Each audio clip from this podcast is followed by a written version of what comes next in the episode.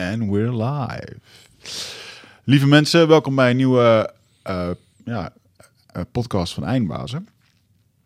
Dit keer uh, alleen met mij, samen met een andere gast, die al een keertje eerder bij ons is geweest. Casper van der Meulen is bij ons geweest.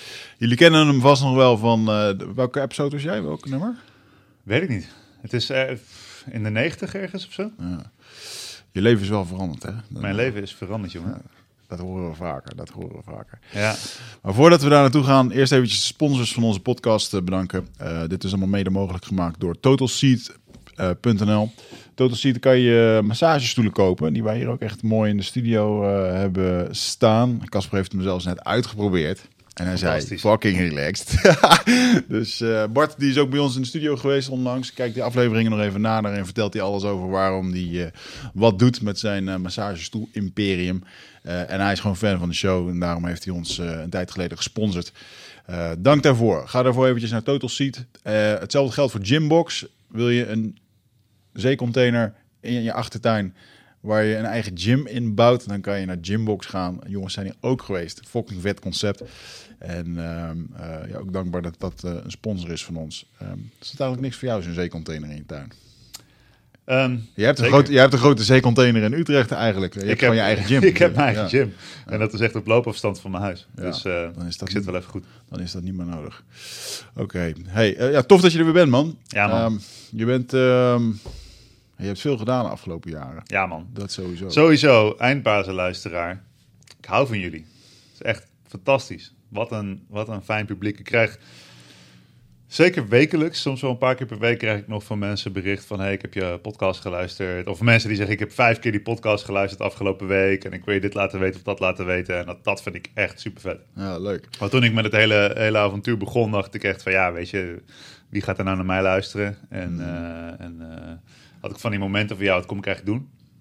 En die heb ik nog steeds wel eens. En als ik dan zo'n mailtje binnenkrijg van iemand die zegt van... hé, hey, ik heb uh, geluisterd of dit resoneerde, dat resoneerde... dat betekent echt superveel voor me. dat is echt te gek. Ja, mooi.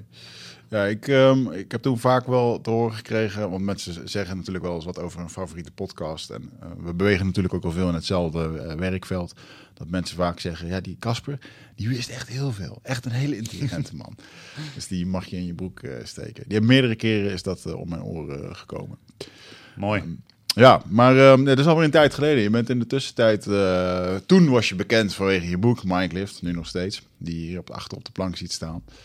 Um, maar ondertussen ben je wel... Uh, je bent veel bezig geweest, veel rondgereisd. Ja. Deze man doet wereldtours, lieve mensen. En uh, dat is wel bijzonder. Jij gaat gewoon naar Amerika en uh, jij, jij plant gewoon helemaal je eigen tour uit. Gaat gewoon naar allerlei plekken en mensen komen naar jou kijken. Ja, het is vooral Amerika waar het, uh, waar het goed is geland. En Mindlift, het boek was echt een beetje de kick-off van, um, van het hele avontuur.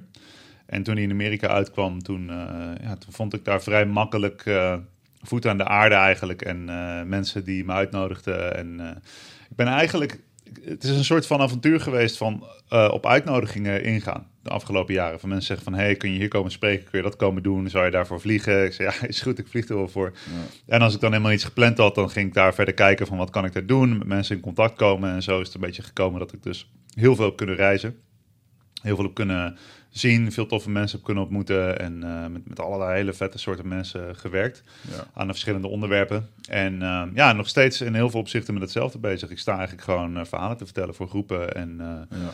het is wel zo dat sinds Mindlift is, is mijn, mijn focusonderwerp is heel erg ja, biohacking, maar dan binnen biohacking specifiek ademhaling geworden. Omdat dat, dat vond ik gewoon als een van de, van de meest effectieve nou, vooral de meest beschikbare manier om je staat te beïnvloeden. En heel veel hmm. van de groepen waar ik mee werk, zoals CEO's en weet je, special operations en artiesten en zo, die zijn eigenlijk bezig met ja, hoe kan ik, hoe kan ik mijn staat in het moment beïnvloeden? En dat is iets waar, ja, waar gewoon heel veel effect mee uh, te halen bleek. En uh, ja, dus dat, dat heb ik gewoon gevolgd. Ik heb eigenlijk gewoon gevolgd wat het leven me bracht. En uh, ja, wel echt te gek. Ja, wat is het hoogtepunt van de afgelopen twee jaar? Oh man, eindbasispodcast. Daarna bedoel ik, hè? Oh, daarna. Ik tel vanaf dat punt. Daarna heel lang niks. um, dat is heel lastig om te zeggen eigenlijk, hoogtepunt. Um, qua, qua werk... Um, oh man, moeilijk. Heel moeilijk om te kiezen. een aantal hoogtepunten waren sowieso. ehm, eh, ik heb, ik heb een, eh, een driedaagse intensive gedaan met de Amerikaanse Air Force. Dat was een hele vette. Dat is echt 15 gasten, seasoned veterans, die gewoon eh, ja, e- echt, echt een extreem leven hebben geleid. En eh, om met hun eh, de, ja, die, die persoonlijke groeikant in te gaan en echt de diepte in te gaan, ook op emotioneel gebied. En daar eh, stappen te maken met zo'n soort groep mensen, dat vond ik heel bijzonder. Ehm, ja, en eigenlijk overal waar ik mensen tegenkom die echt aan de fringes van society leven, die, die iets unieks doen, dat, is, dat zijn hele bijzondere dingen. Eh, ik kom net terug uit Mexico, waar ik eh, ademwerk heb gefaciliteerd tijdens een retreat, waar ook ayahuasca onderdeel van was. Eh, ceremoniële werk gedaan, daar ook muziek gemaakt. Dat was, dat was een heel vet ding. En het afgelopen jaar ben ik opeens weer als muzikant eh, bezig. Het komt opeens weer op mijn pad. Zo stond ik in Finland eh, voor 700 man handpan te spelen en een ademsessie te begeleiden. En nou goed, dan kom ik in een heel lijstje hoogtepunten. Maar het, het is heel moeilijk, het is heel moeilijk om te zeggen. Wat dat betreft. En, maar dagelijks, mijn dagelijkse hoogtepunt is mijn tijd met mijn dochter. En Ja, het feit dat ik het meeste van mijn tijd met haar kan doorbrengen, is echt, ja, echt fantastisch. Mag ik ook vragen naar je dieptepunt? Eh, ja, dat mag je vragen. Ehm, het dieptepunt is het eh, moment dat ik me realiseerde dat mijn huwelijk ging eindigen. Zo'n anderhalf jaar geleden. Dat was echt een. eh, toen zat ik echt even helemaal doorheen. Ehm, en in terugblik was dat een, ja, een fantastische periode van groei. Waar ik ook echt heel goed doorheen ben gegaan. Heel, waar we samen heel fijn doorheen zijn gekomen. Fijn is niet het goede woord, maar eh, gewoon Goed. terugkijken en zo van ja, dit is, dat was eh, Constructief. heel, ja, dat was constructief, eh, maar wel echt, echt zo'n dieptepunt. Zo van, het, het was vooral een moment dat alles, alle grondvesten waar ik mijn realiteit op baseerde, dus de manier waarop ik de wereld bekeek, eh, die, die begonnen te, te rammelen. En ik heb vaker periodes gehad in mijn leven waarin dat gebeurde. En, en vroeger waren dat dan periodes die leidden tot een depressie of tot een periode waar waar het heel slecht met me ging. Want ik dacht van ja, wat, alles wat ik weet over de wereld eh, is anders en, en het werkt niet meer en zo. En dit was eigenlijk de eerste keer dat ik dat allemaal kon zien als een, eh, ja, een, een noodzakelijke transformatie die, ik, eh, die ik door moest maken om dingen echt anders te kunnen zien. En eh, dus ik- heb ongelooflijk veel geleerd over transformatie, over, over wat het echt betekent om je beeld van de wereld te veranderen. En daar ehm, een soort van fuel voor te maken voor je groei. Dus dat je echt gewoon alles wat je gelooft over jezelf, alle rollen die je hebt gehad, eh, de mensen waarmee je omgaat, de dingen die je dagelijks doet, ehm, kunt herzien. Dat je eigenlijk een kans krijgt om die te herzien. Zodra het leven je met een flinke uitdaging presenteert. Of het nou een scheiding is, of iemand overlijdt, of een ontslag.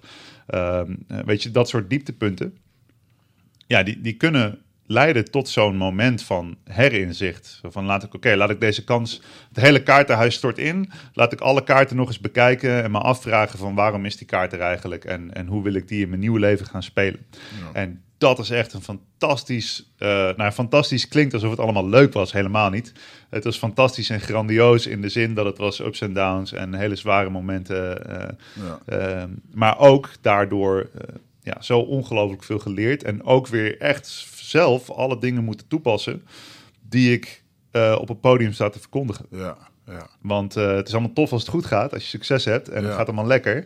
Eh, om te zeggen van, hé, hey, jij kan je leven zo verbeteren, jij kan je leven zo verbeteren en werken met elite performance en bla bla bla.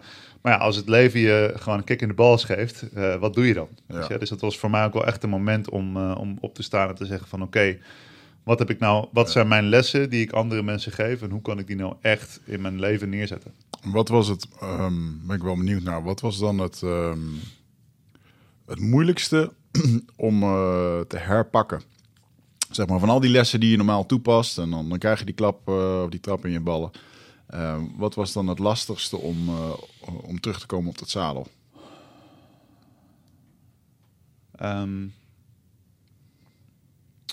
Het allerlastigste was om volledig op mezelf te vertrouwen. Dat is echt het allermoeilijkste. Ehm, want we worden zo aangeleerd, ook maatschappelijk gezien, en ook de manier waarop we in relatie staan, de manier waarop we door school heen geloodst worden en al die dingen, om, om dingen buiten jezelf te zoeken. Ehm, en eh, het is ook de, de val, nou, is niet echt een valko, maar het is meer gewoon het, ja, het, het menselijk leven zoals het zich opbouwt, zit op zo'n manier in elkaar dat je leert jezelf kennen in relatie tot anderen en in contrast met de dingen die gebeuren. En je bent jezelf de hele tijd aan het spiegelen met situaties in je leven en dat soort dingen. Ehm, en als je dus, en je, eigenlijk bouw je de, je hele leven aan een bepaald beeld van hoe dingen werken. En dan ga je bouwen aan ervoor zorgen dat die dingen zoveel mogelijk blijven bestaan. Ja. En als dat beeld van verwachtingen en ideeën en projecties over het leven dan wegvalt, dan is het enige wat je nog hebt, is jezelf eigenlijk. Ja. Dan ben je op jezelf aangewezen. Ja. Nou ja, of je kan het gaan zoeken in drugs of in andere eh, relaties of in, in videogames of series of zo. Dat kan. En ik snap ook heel goed dat die, dat is echt een valkuil, dat die er is. En, en eh, ja, dat is iets waar werk aan zit. En maar het, het pad van vrijheid en van groei. En wat dus ook het allermoeilijkste is, zeg, zeg maar het nobele pad, het, het moeilijke, zware pad, is dus om in dat moment een keuze te maken om volledig te vertrouwen op wat je zelf denkt dat goed is en wat belangrijk is. En dus echt op basis van je eigen intuïtie en je eigen gevoel een nieuw leven op te gaan bouwen. En dat is eigenlijk uh, dat is, dat is het, het, moeilijkste, maar ook het, het waardevolste deel van dat proces. Dus helemaal mezelf opnieuw leren kennen, over alles opnieuw nadenken. En want wat je daarbij tegenkomt, of laat ik voor mezelf spreken, wat ik daarbij tegenkwam, was allerlei uh, uh, aspecten van mezelf, of allerlei delen van mijn aspecten van mijn leven, waarin ik blijkbaar dat vertrouwen in mezelf niet helemaal had. Of, of zelfs het vertrouwen in het leven niet meer had. En dat is ook heel makkelijk, want als het, ja, je bent gewoon in je leven aan het bouwen en alles gaat lekker en er gebeurt iets wat, wat je leven overhoop gooit, is het heel makkelijk om het vertrouwen in het leven kwijt te raken. En vertrouwen in jezelf, vertrouwen in het leven is denk ik voor een heel groot deel hetzelfde. Dus dat was voor mij echt. Um, en nog steeds is dat een pad. En dat merkte ik ook met het boek hoor. Toen het boek uitkwam en het deed heel goed. Fantastisch succes, jee. Maar tegelijkertijd ook zo van... Oh, weet je, wie ben ik eigenlijk om dit te schrijven? Ja. Uh, wat vinden mensen ervan? Meningen van mensen, meningen online. En dan het enige waar je dan naar terug kan, kan gaan... Ja, het enige tastbare, waardevolle waar je naar terug kan gaan... is je, je eigen, nou je persoonlijke leiderschap eigenlijk. Je, van wie ben ik? Wat is mijn verantwoordelijkheid? Wat vind ik belangrijk? Um, uh, wat is mijn integriteit? Wat is mijn pad? En dat is echt uh, zo moeilijk om daar zuiver mee in contact te blijven. Ja. ja, dat zeg je goed. Want het contact, dat is er altijd wel. Um, maar ik denk wel dat als je... Uh, je hebt ook al een tijdje in een high geleefd, denk ik. In de zin van, alles is... All, het was taking off, weet je wel. De plane was taking off. Je gaat overal heen. Alles wat je aanraakt is eigenlijk, wordt goud. Je workshop zit er vol, je retreat zit er vol. Je kan overal spreken. En, um, en dan in één keer um, gebeurt er iets. En hetgeen wat eigenlijk het allerbelangrijkste is, en dat is de thuissituatie. Waarvan je gewoon van dacht, ah, dat zit eigenlijk wel goed. En dan in één keer valt dat weg. En dan is al het andere waar je de hele tijd voor loopt te strijden en alles waarvoor je loopt te werken, dat, dat doet er dan eigenlijk niet meer toe. Tenminste, zo ervaar ik dat dan. Hè? Dat, uh, die thuisbasis, de, het, gezin, dat is echt gewoon het. Uh, dat is, ja, dat is eigenlijk de basis voor dat de rest succesvol kan en mag zijn. Op een gezonde en goede manier. In zekere zin wel, maar tegelijkertijd zijn het allemaal velden die met elkaar in balans gebracht kunnen worden. En ik denk dat eh, zeker je, jezelf veilig voelen in een relatie en je veilig voelen in een veilige thuisbasis is denk ik wel echt een absoluut essentieel onderdeel mm. van ja, inderdaad een basis waar de rest op kan bouwen. Tegelijkertijd is het wel zo dat, dat iedereen heeft, dus er zijn verschillende velden in je leven die iedereen in, op andere manieren aan het, aan het jong leren is. Hè. Dus sommige mensen zijn bijvoorbeeld um, zijn fysiek uh, en mentaal heel sterk ontwikkeld. Uh, zakelijk heel sterk ontwikkeld. Hè. Dus, dus, dus qua um, carrière of uh, financieel zitten ze er heel lekker in. Mm. Maar ondertussen is inderdaad de thuis- of gezinssituatie is heel erg lastig. En, dan, en dan, als je dan heel erg gaat focussen op die velden die wel goed gaan, dan zit daar een soort van high inderdaad. Um, en dan lijken die andere dingen even minder, minder belangrijk, omdat ze er gewoon zijn. Ja. Dus je neemt ze voor lief. Dat is net ja. zoals mensen die altijd gezond zijn geweest, uh, die eigenlijk uh, die, die zo hun, dat, dat veld van fysieke leven zit heel goed in elkaar en dat draait en het loopt. Um, die nemen dat voor een deel voor lief. En als het dan minder wordt of wegvalt, ja, dan is het zo van: oh, maar dat is eigenlijk belangrijker dan dat ding waar ik mee bezig was. Mm -hmm. uh, maar dat betekent niet dat het per se belangrijker is dan je, je carrière of je levenspad of je financiële situatie, materiële situatie. Want er zijn ook mensen die um, dus laat ik het zo zeggen, als één, één van die delen niet zo is zoals je wil, minder ontwikkeld is, of je hebt daar een uitdaging. Dus stel je, je verliest opeens je gezondheid, dan wordt dat opeens een nieuw focuspunt waarvoor je zegt van nee, hier moet ik nu al mijn energie in steken, want dat is het belangrijkste en ik heb het voor lief genomen. Maar hetzelfde kun je doen met je carrière. Er zijn heel veel mensen die, die hun levenspad, hun, hun uh, laat ik zeggen, hun, hun nobele missie, wat ze te doen hebben hier in hun leven, mhm. hun levenskunst, die dat veel minder serieus nemen, die daar eigenlijk helemaal niet mee bezig zijn. En als je dan een manier vindt om dat te gaan doen, om als je vindt jouw vorm van uiting waarin je echt jouw beste cadeau kan geven aan de wereld. Door te ondernemen of door kunst te maken of door betekenisvol werk te doen. Mhm. Met een doelgroep die je belangrijk vindt. Ja, dan wordt dat even het allerbelangrijkste in je leven. En dan snap je, dus het is meer een soort van dans tussen al die verschillende velden. Uh, maar dat betekent voor mij niet per se dat het ene belangrijker is dan het, dan het andere. Het is natuurlijk wel zo dat, uh, uh, om, om, om in, daarop terug te komen zoals je dat zei, dat inderdaad je gezin, uh, je familie, je vrienden, je sociale omgeving is wel de allerveiligste of belangrijkste dat je daar een veilige basis hebt. En al die andere dingen zijn uiteindelijk inderdaad um, ja, minder belangrijk. Vind ik moeilijk om te zeggen, maar uh, die sociale situatie is wel echt een, een basis. Ja. Het is, uh, het is vervelend om veel geld te hebben, succesvol een bedrijf te hebben, maar verder niemand om het mee te delen. Ja, absoluut. Dan, dan heeft dat ook eigenlijk geen, geen waarde. En ik denk dat je in het leven altijd op zoek bent naar hetgene wat je het meeste mist. Dus uh, voor mij merk ik nu nog, oké, ik, mis, ik mis nog voldoening in hetgeen van carrière, van uh, wat er allemaal nog te halen valt. Al die, uh, al die bergen die nog te beklimmen zijn. Ja.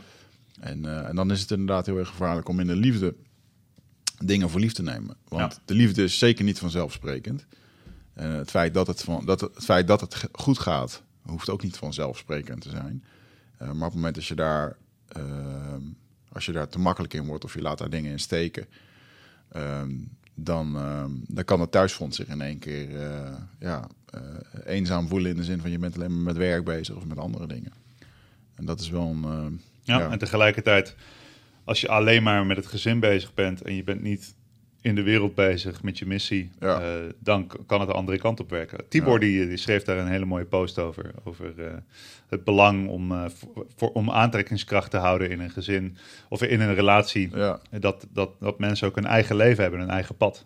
En het lastigste is natuurlijk als je, als je zelf een nieuw pad gaat bouwen, wat voor jou goed voelt waarin je vertrouwt. En dat je, je partner of je familie, weet je, je ouders of, of je vriendengroep dat niet zien en niet meegaan. Dat is hmm. waar heel veel mensen die ik en die jij ook, die wij tegenkomen in ons werk, tegenaan lopen. Dus dat ze eigenlijk een ander pad zien voor hun leven. Hun levenskunst wordt eigenlijk duidelijk. Ze van, hé, hey, maar dit is wat ik wil doen met mijn leven. Hmm. En dat hun, uh, sociale omgeving dat niet zien. Dat maakt het ook heel lastig. Maar wat je net zei is wel trouwens een belangrijk punt. Hè? Want je, je, je, hetgene wat je mist, daar leg je de meeste focus op. En ik denk dat daar echt een kerndeel zit dat ook mensen die, die zeggen van ik heb een hele fijne relatie, ik voel me fantastisch in mijn relatie en het is helemaal fantastisch. En, maar die eigenlijk een relatie hebben. Dit is bijvoorbeeld mensen die heel vroeg in hun leven heel veel liefde hebben gemist en heel veel goedkeuring hebben gemist. In een gezinssituatie of in een vriendensituatie. En die zoeken dan een relatie met iemand die ze heel erg veel geeft van wat, datgene wat ze missen. En ja, dan voel je je veilig in die relatie, omdat die persoon de hele tijd jou geeft wat je eigenlijk zelf mist.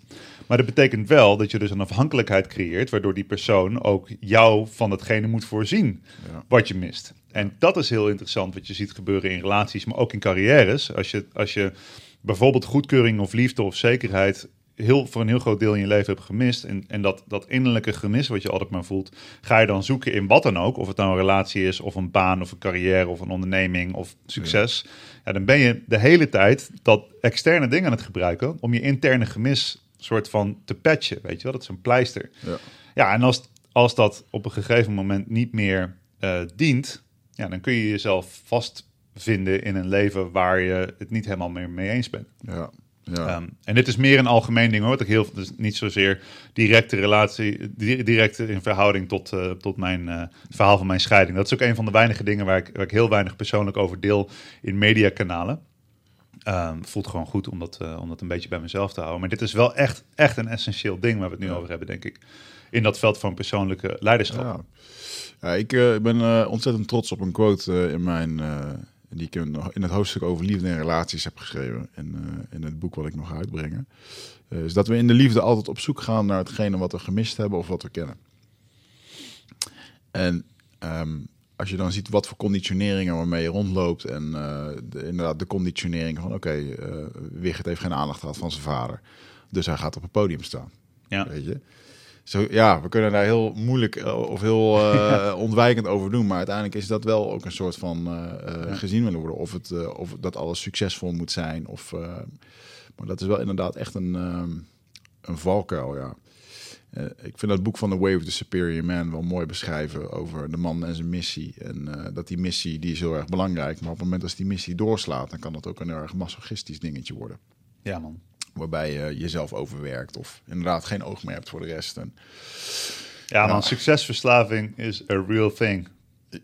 Ja. Ja, het is echt... Uh... Ja, nou en het is grappig, want ik heb natuurlijk vorige week die commando uh, uh, kennismakingsdagen doorgelopen. En ehm, ik zei laatst nog tegen iemand van, nou, daarna ga ik echt even gewoon helemaal niks meer doen. Gewoon klaar, weet je wel focus op werk, op mijn boek, uh, minder doen en met meer focus. En, ik, en uh, twee dagen nadat ik daar naar buiten liep, alsof ik uit een auto-ongeluk kwam, zat ik toch alweer op de Survival Bond website te kijken of dat er geen wedstrijden waren voor dat ultrarunnen of dingen. Dat ik het toch wel vet vond. Toch wel, er moet gelijk weer een soort van opvulling ergens in komen. Of ja, is toch, misschien is het het aard van het beestje, maar ik was er nu in ieder geval bewust van. Dus ik heb nu wel bij mezelf, oké, okay, dan moet ik nu gewoon echt even niet doen, weet je wel. Ja, dat is voor mij ook wel een grote transformatie geweest. Het grappige is ook, uh, deze week postte ik een uh, ding op Instagram van, van mijn oude zelf en mijn nieuwe zelf. Ja. Um, en eigenlijk van het, van het alfa-dominante, perfectionistische, doelgerichte naar veel meer procesgericht, flow, uh, zelfliefde in plaats van zelfdiscipline. Nou goed, de meest populaire post op mijn Instagram tot nu toe. Ja. En dat zegt ook wel iets over de transformatie waar veel mensen in zitten. Um, en dat was voor mij echt, echt, wat je nu net zegt, is voor mij echt het grootste ding. En het is niet een transformatie die compleet is. Dat is echt een dagelijkse beoefening. Om ja, terug te gaan naar die rust. Weet je wel, mijn energie bij mezelf te houden. En, en ehm, de hele tijd maar meer successen moeten behalen. Omdat dat hetgene is wat je bevestiging heeft dat je goed genoeg bent. Wat voor mij ook echt een spelletje was waar ik in vast zat heel lang. Um, heb ik in, in Mindlift ook al over geschreven. En toen schreef ik al over het onderwerp. En als ik nu terugkijk, denk ik van ja, toen begreep ik er eigenlijk nog heel weinig van. Want de echte uitdaging op dat veld kwam pas toen ik echt succes kreeg. Weet je wel? Want, um, uh, en mensen praten heel weinig over, over de, uh, de, de nadelen van succes en de valkuilen die erbij horen. Want het ziet er allemaal super tof uit op social media. Dat is ook iets vets. Dat, wat ik zie is dat uh, en, dat, en dat doe je ook heel mooi met die posts die je schrijft over je gezin en, en uh, wat je uh, rond kerst post over je oma. Dat die, die kwetsbaarheid, het vermogen om dus, om dus echt een gevoelige kant van jezelf te laten zien voor een groot publiek, dat, dat werkt. En ik zeg niet van het werkt vanuit een marketingstrategie, nee, het werkt vanuit een menselijk verbindingsperspectief. Dat dat is waar mensen ook behoefte aan hebben. Weet je? Mensen willen ook gewoon echte mensen zien die over echte dingen praten. Um, en, en er is ook steeds minder idolisering gaande van mensen die, ja, die volgens een soort van de oude manieren succes behalen. Ja. En ik denk dat, um, dat er heel veel belang is voor moderne stammen met hun eigen stamleiders in zekere zin van mensen. En dat zie je in het social media veld, zie je dat heel veel in, onze, in, in, in de markt, de verschillende podcasts die er zijn het gaat steeds meer over hoe kunnen we weer echt gaan verbinden met elkaar als mensen. En ja, een podcast is een fantastisch medium om echt contact te maken met mensen. Want wat voor medium gaan mensen nou nog voor stilzitten en luisteren 2,5 uur? Ja. Weet je wel? Oh ja, één podcast kan je leven veranderen, weet je wel. Dat, ja, uh, ja, absoluut. Of één ding wat gezegd wordt, ja. Maar ja, je, je zei het zelf, uh, men is een beetje op zoek naar een nieuwe, uh, nieuwe stam. Uh, dan gaan we gewoon gelijk het, we gaan het 1 2 gewoon maken. Laten we daar toevallig. We gaan wat een mooi bruggetje, Ik, ik ga alleen één, één ding checken, want ik, ik ben bang dat jouw camera zo meteen uitvalt, omdat ik net heb lopen klooien aan de kabeltjes hier. Dus. Oké. Okay. Volgens mij. Nee. Okay. We're safe. We're good. We're good. Alright. Um, ja, goed. Uh, wij hebben de afgelopen twee jaar best wel veel met elkaar uh, opgetrokken. Nou, niet, niet heel veel, maar wel goed contact gehad. En uh, er is altijd wel een. Um, een ding geweest van, nou oké, dit, uh, uh, dit klikt, dit is tof, we doen dezelfde dingen. Hebben elkaar bezig gezien, uh, een paar keer op hetzelfde podium gestaan. En daaruit is een nieuw project ontstaan. Trommelgerof. Nu moet je eigenlijk zo'n Giel Belen 3FM uh, ding hebben met allemaal van die sound effects en zo. maar dat is geworden het project Avani. En Avani betekent aarde in het Sanskriet. Um, een naam die we hebben gekozen voor ja, eigenlijk het creëren van onze eigen stam. Zo kunnen we het wel zeggen. Um, beweegredenen hiervoor en, en het hoe en wat. Ik denk dat Avani, het is nu uh, gepland als een retreat wat we gaan organiseren in mei. Um, 1911, zeg ik dat goed? Of 819? 819. Ja. Ja, 8, 9 en 10 mei, dan, uh, dan gaat dit starten. Um, eventjes heel concreet, we hebben een, een natuurgebied uh, afgehuurd. Uh, waar we met een, een honderdtal mensen willen gaan werken aan dat, ja, wat het is om in een stam te leven. En dan, dan ga je te maken krijgen met alles wat ervoor zorgt, wat voor die verbinding zorgt. En um, misschien is het leuk om eventjes elkaars beweegredenen uit te leggen waarvoor we dit zijn gestart. Mijn grote beweegreden was, um, ik ga graag naar de jungle toe. Dan kom ik daar en dan denk ik, binnen vijf minuten als ik daar ben, oh ja, dit, dit was dat gevoel. Dit was die vibe die daar hangt. En dit is wat we niet hebben in Nederland. Hmm. Op die manier. Ehm, en dan heb ik het dus over het stamgevoel. Gewoon de, ehm, ja, hoe mensen met elkaar omgaan, hoe mensen met elkaar leven, wat ze doen om, om in dat gevoel te blijven. En ik vond het ook altijd heel erg lastig om tijdens mijn lezingen, ja, dan, dan, dan praat ik erover en dan, dan kan ik, uh, op het moment als ik daarover spreek, dan sta ik ook weer terug in die jungle. En hopelijk voelen mensen dat ook. Alleen het echt zelf meemaken en het zelf ervaren, ja, dat, dat is iets wat ik uh, toch graag meer zou willen, ja, dat zou ik meer mensen willen laten ervaren. Nu lukt dat uh, met workshops en met een eerste retreat wat ik heb gegeven, lukt dat aardig goed. Maar dat kan maar tot zover. Um, en toen hadden wij het daar een keertje over over dat, dat, dat gevoel en alle ervaringen en hoe ik dan spreek. Want ik ben natuurlijk een groot fan van het shamanisme, hoe je terug kan komen in je lichaam, al die manieren. Al inheemse stammen hebben daar hun eigen manieren voor. Of het nou plantmedicijn zijn of chanten of wat dan ook. Maar um, eigenlijk de effecten en de ervaringen die ik daarmee heb en de heling die het mij heeft gegeven, de, uh, ja, dat is, ja, dat is letterlijk hoe dat het um, de, wat het mij heeft gegeven, dat, dat hele gebeuren en dat hele, die hele kennis daarvan, die oude kennis, maar dat is eigenlijk meer puur uit een toepassing. Zo van je hebt dat daar ervaren en daarom weet je nu wat het kan doen, maar je kan nog niet helemaal plaatsen hoe of wat. En het was heel erg grappig dat toen wij het hierover hadden, dat jij daar gewoon heel erg wetenschappelijk over mee kon praten. Over tot aan hoe dat ons zenuwstelsel reageert op het moment als men elkaar een omhelzing geeft. Of als je überhaupt al uh, je zorg deelt of je dingen uit of wat dan ook. En dat daarin eigenlijk een, uh, voor mij een hele heldere klik kwam. Van ja, dat wat jij, dat gevoel wat je probeert over te dragen, of wat je graag andere mensen wil laten ervaren, dat, dat kan je gewoon wetenschappelijk onderbouwen. En Casper kan dat. En uh, nou goed, ik zie jou natuurlijk ook met je workshops en met je retreats.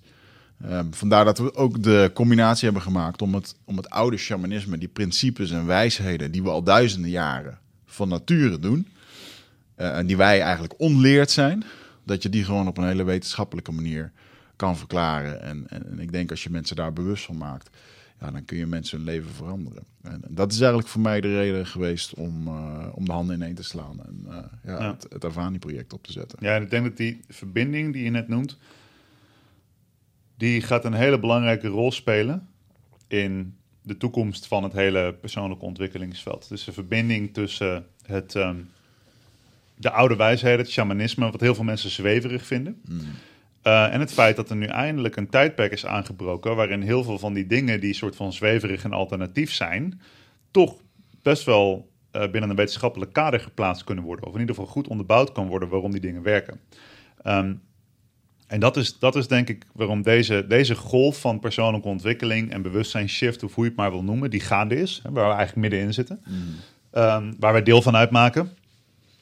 Um, dat, dat die daar heel goed op gaat gaan. Zeg maar. Dus dat is, als je zeg maar, terugkijkt naar 50 jaar geleden en er waren allemaal hippies en die waren allemaal bezig met uh, plantmedicijnen en met allemaal ceremonies en En energetische healing en zo. En, en, en ja, dat werd dan als heel erg zweverig bestempeld. En dat waren ook stamwijsheden. Maar dat, dat vond geen integratie in het, in het moderne leven. En als je verder de persoonlijke groei, persoonlijke ontwikkeling is heel erg naar de biohacking gegaan. Allemaal dingen die aantoonbaar zijn. Neurologie, psychologie, supplementen, chemische interacties in het brein. En nou, dat is waar de biohacking scene heel erg populair in is geworden.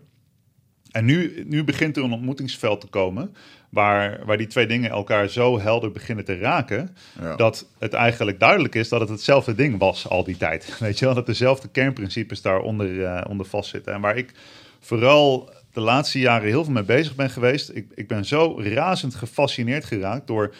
Ik, ik had dan een, een eh, retreat en de eerste twee of drie keer dat ik dat deed, kwamen de mensen binnen. In het begin was het in Nederland en gewoon uh, Nederlanders van overal. En de ene, ja, ik ben gewoon die en ik ben gewoon die. En dit is waar iedereen identificeerde zich met zijn namen, met waar die vandaan kwam. En dat was, vond ik ook nog normaal. Zo van ja, dit zijn gewoon die mensen.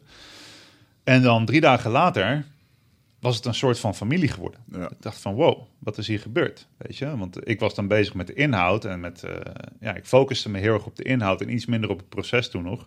Dat ik dacht van ja, ik heb gewoon al slechte grappen staan maken en wetenschappelijke uitleggen. We hebben ademoefeningen gedaan, we zijn de natuur in geweest.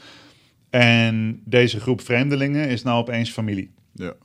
En dat, en dat vond ik zo interessant. En ik heb um, iets van 15 of 16, zeg maar, hele week retreats gedaan in de afgelopen paar jaar.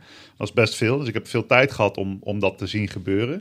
Op een gegeven moment ook internationaal. Mensen uit uh, zeven, acht verschillende landen komen bij elkaar. Totale andere leeftijdscategorieën, echt tussen 16 en 76. Eh, totaal andere levens meegemaakt, andere maatschappelijke context. Die komen binnen, stellen, elkaar, stellen zich voor.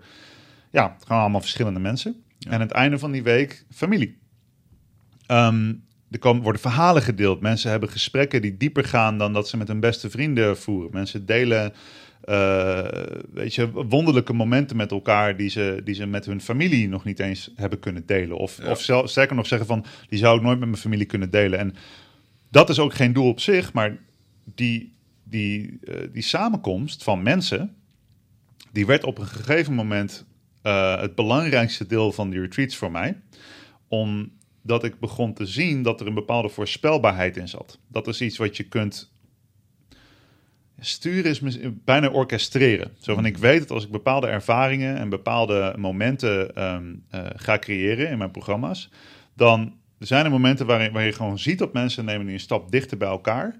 Uh, mensen openen zichzelf en in dat moment van openheid, moment van kwetsbaarheid, kan een moment van groei of heling of hoe je het ook wil noemen ontstaan. En dat ik daar langzamerhand steeds beter in werd om dat te gaan specificeren wanneer dat dan zou kunnen gaan gebeuren. Is ook, dat zijn aan de ene kant intuïtief, maar tegelijkertijd vond ik steeds meer um, literatuur en wetenschappelijke raamwerken die eigenlijk ondersteunden waarom dat werkte. Uh, en, en een van de meest belangrijke daarin is de polyvagal theory, die er gaat over um, ja, het zenuwstelsel, die eigenlijk omschrijft dat we hebben um, uh, een deel van ons zenuwstelsel is, puur ingericht voor sociale interacties. En als je het fysiologisch gaat bekijken, als je het mens als, als biologisch mechanisme beschouwt, wat is waar biohacking in gaat. Dus je hebt een mens, dat is een biologisch mechanisme en die vindt zich in een bepaalde omgeving. En die is aan de ene kant uh, geprogrammeerd, genetisch gezien, dus heeft aanleg om te reageren op een bepaalde manier op die omgeving. Maar tegelijkertijd heeft ook bepaalde programmeringen vanuit opvoeding en, en ervaringen om te reageren op die omgeving. Dan kijk je eigenlijk op een hele systematische manier naar de mens. En dat biologische systeem reageert op, op hele, uh, laten we zeggen, betrouwbare manieren op bepaalde triggers. En als je dan die triggers mooi gaat inrichten, ja, dan, dan kun je een bepaalde interne reactie uh, triggeren bij mensen, waardoor mensen dichter bij elkaar gaan uh, komen en zich veilig gaan voelen. Ja. En dat is iets waar ik, ja, dat vond ik zo waanzinnig interessant. En het grappige is, zoals met alle dingen die ik heb bestudeerd uh, en waar ik me in verdiept heb, ik ga dan helemaal die rabbit hole in. Ik vind allemaal publicaties en studies. Ik leer van alles over de psychologie en bla bla bla. En, en dan kom je full circle terug. En eigenlijk is het een uitleg van wat er in stammen gedaan wordt. Ja. En wat er gewoon in, in de stammen die nog steeds uh, leven op die manier en gedijen op die manier, dat die eigenlijk diezelfde kernwaarden gewoon in hun dagelijks leven hebben. En als je dat dan vergelijkt met de huidige maatschappij, dan is dat voor heel veel mensen niet zo. Of eigenlijk, het, het we, we, leven niet meer als een stam. Ja. Uh, tenzij je ervoor kiest. En ik denk dat, dat voor mijn belangrijkste beweegreden is... Uh, ik, ik, heb helemaal niet meer... Vroeger had ik het van... ja, iedereen zou zo moeten leven... of dit is de oplossing voor iedereen. Dat heb ik helemaal niet meer. Mijn belangrijkste beweegreden is dat ik, dat ik um, de mensen die ervoor kiezen... om, laten we zeggen, het... het hoe zou ik het zeggen? We hebben allemaal werk te doen. Iedereen heeft zijn eigen pad te belopen. Iedereen heeft zijn eigen unieke, prachtige, nobele pad om te lopen. En daarin zit gewoon werk. Weet je, dus er is mm. werk te doen. Of je nou succesvol bent of niet, waar je ook bevindt in de maatschappij, iedereen heeft bepaald werk. En er zijn mensen die zeggen van ja, ik wil het werk aannemen, dit is mijn pad. Ik wil op een bepaalde manier aan mezelf gaan werken, ik wil gaan groeien, ik wil van mijn leven een kunstwerk maken waar ik trots op ben. Ik wil elke dag leven in, in dankbaarheid en in liefde en mooie dingen maken. Ehm, en een bepaald deel van die mensen resoneert heel erg met het, met het stamleven. En die, en die kunnen uh, enorme Ehm, revoluties maken in hun persoonlijke groei. als ze zich omringen met mensen die dat proces begrijpen. Ja. En ik heb zelf me zeer gezegend gevoeld de afgelopen jaren. dat ik door mijn werk en door mijn boek en door mijn internationale toeren. overal op de wereld. hier en daar mensen tegenkwam van ik dacht van ja. Dit is er zo eentje. Dit is zo iemand die ontmoet ik. En om een of andere reden is het mijn, is het mijn kosmische familie gewoon. Weet je, hier is mm. iemand waarmee ik me zo verbonden voel. En dat zijn mensen die ik misschien twee of drie keer heb gezien in de afgelopen drie jaar. Maar puur dat ik weet dat ze bestaan en dat we deel zijn van elkaar stam, heb ik zo'n zo'n veilig gevoel in mezelf. Van ja, ik heb gewoon dat vangnet van broeders en zusters over de hele wereld. Um, uh, die mij begrijpen. En wat er ook gebeurt in mijn dagelijkse leven of in mijn directe omgeving. Ik weet dat er mensen zijn die het echt begrijpen. Ja. En daar zit een soort van magie. En, ik heb, en, en toen, we, toen ik het met jou erover had en jij omschrijft wat er in die stammen gebeurt, dacht ik, wat nou als we, als we die magie in Nederland hier gaan creëren? Ja. Met een groep mensen. En toen hadden we ook meteen zoiets van, ja, dat moet dan ook een significante groep mensen zijn.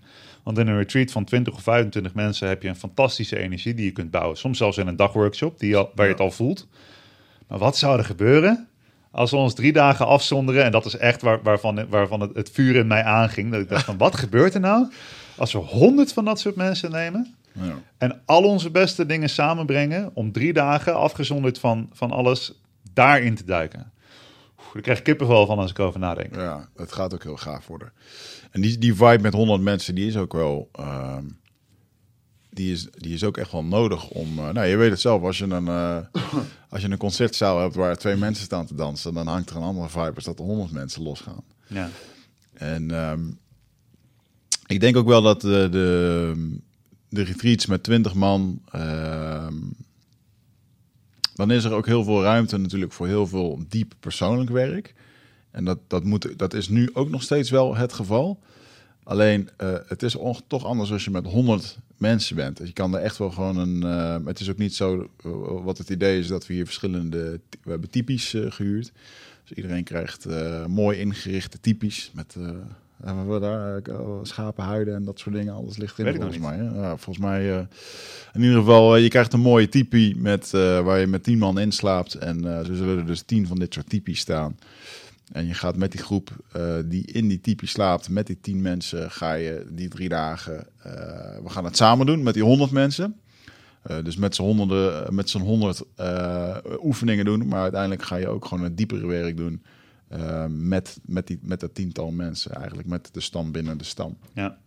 En uh, uh, wel mooi wat je net inderdaad schrijf, beschreef van we hebben geen, we hebben hier geen stam meer. Hè? Dus wat een, een bekende traumapsycholoog ooit mooi beschreef, Gabor Mate, ik weet niet of je die, die kent. Mm, ja. Ook wel heel erg bekend met um, plantmedicijntherapie en dan vooral voor mensen met PTSD en zo. Maar die beschreef dat heel, heel simpel. Ja, als je vroeger, als jij het niet goed kon vinden met een van je ouders, dan had je gewoon een stam. En dan ging je gewoon met je, met je oudere neef of met je oudere oom of, of wat dan ook. En, en als ik nu kijk naar mijn eigen familie, uh, ik had best een aardige oom, uh, die, maar die woonde gewoon te ver weg. Dus ik heb eigenlijk weinig contact met hem. Uh, ik heb geen vader. Um, en met mijn broer heb ik ook een relatie. ja, wat niet de meest dichte, warme relatie is, weet je wel. Door allerlei omstandigheden. Dus um, mijn, mijn stamleven was heel erg versnipperd. En uh, ik denk wel dat op het moment als je, net wat je zegt, die mensen die bij jou op de retreats komen, bij mij, die kennen elkaar niet, maar die delen meer met elkaar dan waarschijnlijk misschien, nog, misschien nog wel hun thuisfront. Mm. En als je dus honderd mensen bij elkaar uh, vindt die hierop aangaan, die denken van ja, dit is tof en allemaal gericht op die vooruitgang, op het stukje durven delen en die kwetsbaarheid durven laten zien. En jezelf ook nog wel. Ik denk dat een hele hoop mensen zich eenzaam voelen in het, in het hele verhaal. Tenminste, Ja. um, uh, ik denk dat veel, veel ondernemers zichzelf eenzaam vinden. Dat als je op een verjaardag aan het vertellen bent over dat je dit jaar 2 miljoen omzet wil doen, dat heel veel mensen denken van ja, maar hoezo dan, weet je wel? Ja. Of de topatleet die, ja, die gewoon topsporter is, die dat wil om, om intrinsieke redenen. En waarom mensen dan tegen hem zeggen van ja, hey, maar uh, het is toch goed zo, weet je wel, is het niet een keer genoeg? Ja. En ik denk dat als je al die, die intrinsieke motivaties bij elkaar pakt um, en je zet die honderd mensen bij elkaar, ja, dan heb je gewoon in één keer een club waarbij gewoon alles wat jij diep van binnen wil, uh, verbeterd kan worden, vergroot kan worden of uh, uh, begeleid kan worden op een nog betere manier. Ja, wat je daar zegt is wel, wat ik, wat, wat ik interessant vind, is dat dit soort dingen zijn voor de hand liggender op, laten we zeggen, de, de, de velden die we de peak performance velden hebben genoemd. Zo van, ja, ik wil als ondernemer dit bereiken, of ik wil als topsporter dat bereiken, of ik wil als muzikant wil ik deze droom waarmaken. Ja. Wat ik ook heel veel tegenkom in mijn dagelijkse werk met mensen, met groepen, zijn bijvoorbeeld, bijvoorbeeld één leraar op een school die gewoon ziet van, hé, hey, wacht, ik kan echt een impact maken. Ik kan hier op basis van positieve psychologie. Ik kan met die kinderen aan de slag, ik kan innoveren. Ik kan, en, en die zich volledig daardoor geroepen voelt. Ja. Maar in de context van die school uh, voor gek verklaard wordt. Of mensen Ja. die in de zorg werken, kom ik ook veel tegen. Uh, artsen of verpleegkundigen die, die uh, leefstijlinterventies willen integreren en, en die uh, uh, met gezonde voeding willen werken. Of mensen in de verslavingszorg die zeggen van ja, weet je, volgens mij is de verslavingszorg niet op de manier zoals het zou kunnen. Volgens mij kunnen we mensen op een veel diepere laag werken. En zo kom ik overal eigenlijk, op alle, alle lagen van de samenleving, alle soorten beroepen, kom ik in mijn werk mensen tegen die een soort van resoneren met mijn boodschappen en die me dit soort dingen vertellen. Zo van, ja, ja weet je, dit, ik, ik pas deze ademoefeningen toe met mijn cliënten in de verslavingszorg en die hebben daar superveel uh, profijt bij. En mijn collega's die vinden het maar niks en die, die, die, die snappen mijn manier van kijken niet. En nu voel ik me begrepen en het is echt dat gevoel waar ik ook naar uh, uh, op zoek ben. Ja. Um, en ik, ik denk, ik, ik, tenminste, ik, ik, ik weet vrij zeker dat uh, de mensen die uh, dit zitten te luisteren en die gewoon de hele tijd al zoiets hebben, van ja, weet je, ja, hier, dit voel ik, hier, ja, dat, dat die dus ook de andere mensen die wij aantrekken gaan voelen. En dat is een beetje wat ik, wat ik steeds meer um, ga zien in mijn werk, hoe authentieker je voor de dag komt als, uh, ja, als, als persoon die in de scene iets vertelt, of je dat nou een influencer wil noemen, of een leider, of een spreker, of wat dan ook. Hmm. Hoe authentieker je voor de dag komt, hoe meer je resoneert met de mensen waar jij uh, het liefst mee resoneert, waar jij het liefst mee omgeeft. En ja. dat is ook iets wat ik heb geleerd door mezelf in situaties te plaatsen waarin ik omringd ben met gelijkgestemden. Uh, want ik dacht wel eens als ik zelf naar zo'n... Uh, bijvoorbeeld, ik kom nu ter net terug uit retreat in Mexico. Nou, daar waren we echt familie. Uh, een week lang superdiepe processen doorgegaan. Van alles gedeeld met elkaar. Ik was er als facilitator voor ademhalingstechnieken, maar ook gewoon in het proces meegegaan. En, en dan denk je van, ja, dan zit ik in die groep mensen. En daar voel ik me helemaal veilig en goed. En dan ga ik weer terug naar mijn sociale omgeving. En dat is ook een valkuil. Je ziet dat veel, zeker met plantmedicijn, zie je mensen die wonen gewoon in Nederland in een omgeving met bepaalde mensen, een bepaalde baan. Ja. Nou, dan gaan ze naar Peru, twee weken lang. Al hun problemen zijn, smelten sneeuw voor de zon Ja, weg en alles ja. is fantastisch. En dan ga je terug naar je oude context. En ja, dan ga je gewoon weer in je oude groef. En dat, dat is zeker een valkuil. Dus het is ook belangrijk om dat op zo'n manier in te richten, dat je dat bij je houdt. Maar wat ik zelf merkte, is puur door bekend te raken met het gevoel van je veilig voelen in je stam. Dat zorgt ervoor dat je in je dagelijks leven, als je daar bewust mee aan de slag gaat en je komt weer terug in je normale context, dat je in contact blijft met dat gevoel, wa Ja. waardoor je ook de mensen in je, die al in je omgeving zijn, die datzelfde gevoel delen, makkelijker gaat vinden. Ja. En dat klinkt misschien vaag, maar dat is vaak wel zo. Als je eenmaal weet hoe het voelt om een bepaalde ervaring te hebben, dan ga je die ervaring meer in jezelf ervaren. En dan ga je ook meer in je omgeving zien dat die ervaring er eigenlijk al was. Dus er zijn dan mensen die ik nu, die al jarenlang in mijn, in mijn omgeving waren eigenlijk, in mijn leven waren, waar ik nooit die, dat diepe contact mee maakte, omdat ik dat contact niet kon maken met die mensen. En dat is een heel interessant ding, want ik echt heb geleerd door, door in die diepere laag, in die retreat setting contact te maken, dat ik daardoor opeens, ook met mijn familie, met mijn vader, met mijn moeder, met mijn broer, uh, veel meer dat diepe stamcontact kan maken. Dat vind ik echt fascinerend. Ja, en ik denk dat uh, een heel tof ding waar we elkaar goed in hebben gevonden, is dat een hele hoop van dit soort uh, samen de reis aangaan voor persoonlijke ontwikkeling. Ehm, wij zijn beide een beetje aan het strijden tegen het pen en papier seminar. Ja. Dus uh, de hele dag daar zitten, allerlei fantastische informatie krijgen, naar buiten lopen. Enigszins gemotiveerd, maar eigenlijk gaat het alleen maar in je hoofd. Terwijl de ervaring, het, uh, ook zelfs je spirituele ervaring en je, je gevoel van verbinding, dat ervaar je maar in één ding en dat is in je lichaam. Ja. Dus um, voor mij is het, um, uh, maakt niet uit bij wat voor workshop dat ik doe, of het één dag is of drie dagen of, of een week. Het gaat altijd over dat het, het moet gevoeld worden, het moet ervaren worden. En dat is veel makkelijker te doen op het moment dat je daar ook het lichaam bij, uh, bij betrekt. Ja. Um, en dat is wat die stammen ook doen, weet je. Ik bedoel, kijk in, in de Amazone drinken ze het plantmedicijn en is natuurlijk spirituele reizen en dingen, maar er zitten daar ook gewoon het chanten, het samen zingen, het... Um, je ziet uh, Afrikaanse shamanen die zichzelf helemaal urenlang in, in, in trance uh, trillen hetzelfde effect als dat je met een ayahuasca of iets anders uh, krijgt, of een diepe meditatie. Um, monniken die, die, die, samen zingen. Of überhaupt het kerkgevoel van vroeger al, weet je wel. Dat samen zijn al. En um, nu is het echt niet zo dat we daar drie dagen lang gaan zingen in een... Uh, want dat vind ik ook weer een beetje... Dat is dan weer een beetje het anderste uiterste. Hè? Zo van, ja. dan, dan word je inderdaad dat hippie clubje waar niemand iets van begrijpt. Um, maar wat wel gewoon heel erg vet is, is op het moment dat jij gewoon echt in je lichaam wordt gedwongen om daarheen te gaan. En dat betekent dus dat je bijvoorbeeld fysieke activiteit moet gaan doen. Ja. Um, dat op het moment dat je in dat lichaam komt, dat er op een gegeven moment een bepaald punt komt dat je een omschakeling maakt. Uh, dat je A, heel goed bewust kan voelen wat er aan de hand is met je lichaam, omdat het ook nog een keertje uit wordt gelegd. Uh, plus je wordt nog een keertje tot een, uh, ja, ik zeg dat altijd maar zo, jouw, jouw elastiek wordt zodanig uitgerekt, of dat nou mentaal, spiritueel of fysiek is. En voor iedereen is dat verschillend, maar voor iedereen zal dat op zijn eigen manier zijn. Ja.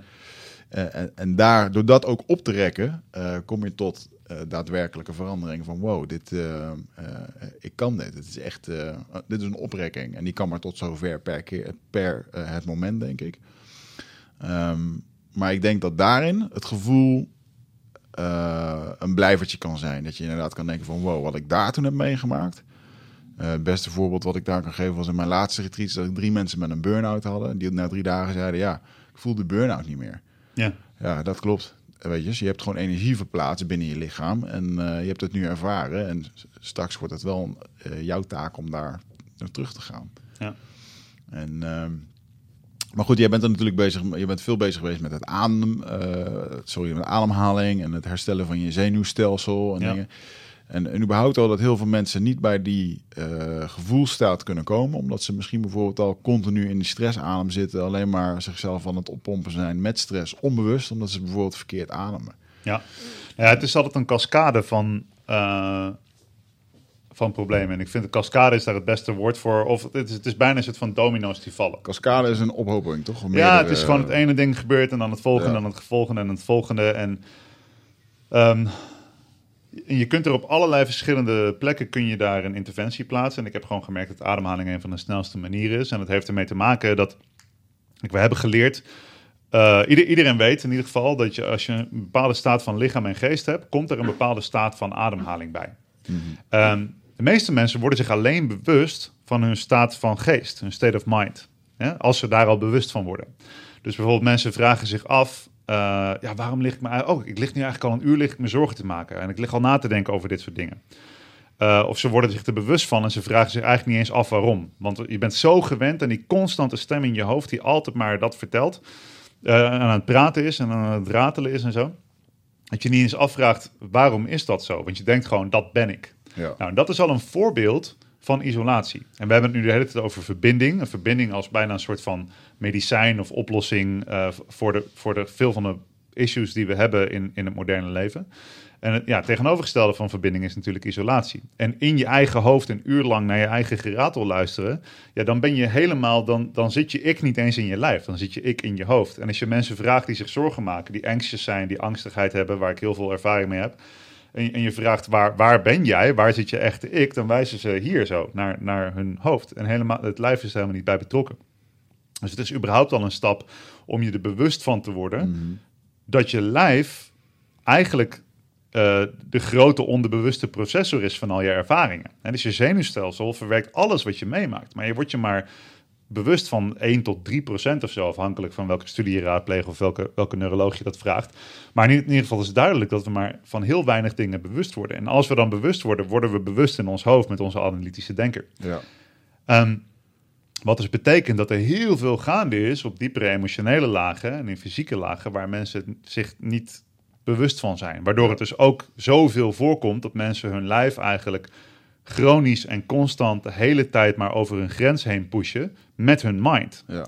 Uh, en dan opeens tegen een muur aanlopen en niet meer uit bed kunnen komen en, en, uh, en op, toch op een burn-out zitten. En dan moeten ze die hele emotionele en fysieke laag met terugwerkende kracht gaan verwerken. Dat is waarom, waarom herstel van dit soort issues heel lang kan duren. Ja, ja het, het, body keeps the score. Ik weet even niet meer wie dat gezegd heeft. Misschien is Katie Bowman. Maar in ieder geval, het, het, het lijf houdt dat bij.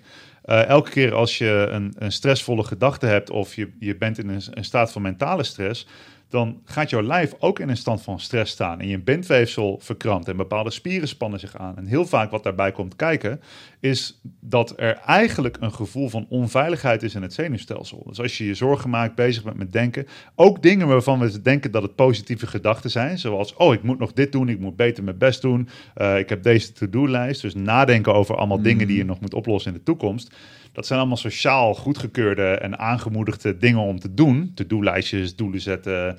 Ik moet dit nog doen, ik moet dat beter doen, ik moet meer groeien, allemaal dat soort dingen ja, die, die komen, als je vanuit een zenuwstelselperspectief kijkt, eigenlijk voort vanuit een soort van kerngevoel van onveiligheid. Want als je volledig veilig zou zijn, dan zou je gecenterd zijn en dan zou je niet hoeven nadenken over de toekomst. Ja. Dus die mentale soort van mobilisatie, activiteit, ik moet nog wat, ik moet nog wat, komt, komt voort uit een gevoel van onveiligheid. En als je kijkt naar hoe het ademhalingssysteem daarop reageert, is door te faciliteren in de behoeften die je hebt. Want wat heb je nodig als je de hele tijd maar wil, als je je onveilig voelt? Nou, in een onveilige staat ben je in een sympathische staat van het zenuwstelsel. Dat betekent dat je eigenlijk op de uitkijk moet staan van wat gaat er allemaal gebeuren. Ja. En dat is ehm, uh, qua orgaanfunctie betekent dat je ogen letterlijk meer gaan scannen en meer gaan focussen. Dat betekent dus ook dat je hartslag wat omhoog gaat, want je hebt energie nodig. Dat betekent dat je ademhaling omhoog gaat, want je hebt meer zuurstof nodig om die energie vrij te maken. Dat betekent ook dat je behoefte krijgt aan brandstof daarvoor. Nou, de snelst beschikbare brandstof is natuurlijk suiker. Ja. Betekent ook dat je behoefte krijgt aan dingen die die staat um, uh, ondersteunen, zoals bijvoorbeeld cafeïne. Uh, of misschien wel een beetje een dopaminepleister, zoals je nicotine in een sigaret of je biertje, om dat een beetje te temperen. Maar dat, dan zie je dus hoe die hele cascade eigenlijk op gang komt, waarin de ademhaling verhoogd wordt, de hartslag wordt verhoogd, je maakt een beetje cortisol aan, je lijf gaat een beetje in de, voor de zekerheid aanstand. Uh, daarbij kan zelfs chronische ontsteking komen kijken. Um, wat er ook bij komt kijken is bijvoorbeeld het middenrif gaat zich vastzetten. Want je weet dat als je, als je, als je op het punt staat om een klap te krijgen, dan, span je aan. Je schouders spannen zich aan. Um, en je buik, waar al je weken organen zitten, die gaat uh, op spanning. Ja. En daardoor komt het middenrif vast te staan. Als je middenrif vaststaat, kun je niet meer die prachtige middenrifademhaling maken die je organen uh, masseert en die je rustzenuwstelsel activeert en, en die zelfs via je nervus vagus je brein vertelt dat je veilig bent. Uren over lullen. Terwijl je dit vertelt, ben ik gelijk mijn ademhaling, mijn buik aan het uitduwen. Ja, en dat is, dat is hele mooi, want het, het, het, te gekke is dus van dit hele verhaal, is dat er is een hele cascade, en ik heb het gehad over hormonen en je hartslag omhoog, Um, hormonale reacties zoals cortisol, over ontstekingen. Dat zijn allemaal dingen die zo moeilijk zijn om waar te nemen. Want terwijl je lijf het allemaal voor jou aan het regelen is, is het enige wat jij merkt van ja, ik lig altijd twee uur s'nachts wakker uh, om druk te maken hierover. Of ik ben s ochtends zodra ik wakker word, uh, ik zit in de file en zit ik me al helemaal op te vreten over iets.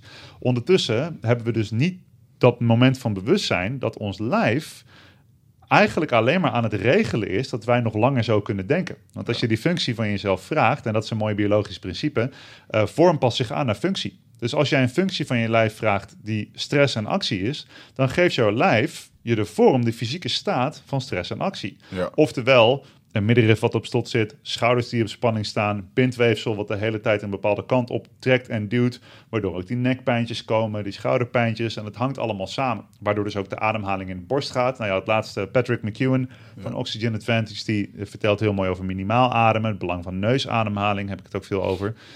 Ehm, je gaat hoger ademen, sneller ademen, chronisch hyperventileren, al, om, in een poging om maar in die constante energie uh, behoefte te voorzien die je de hele tijd eist van je lijf. Nou ja.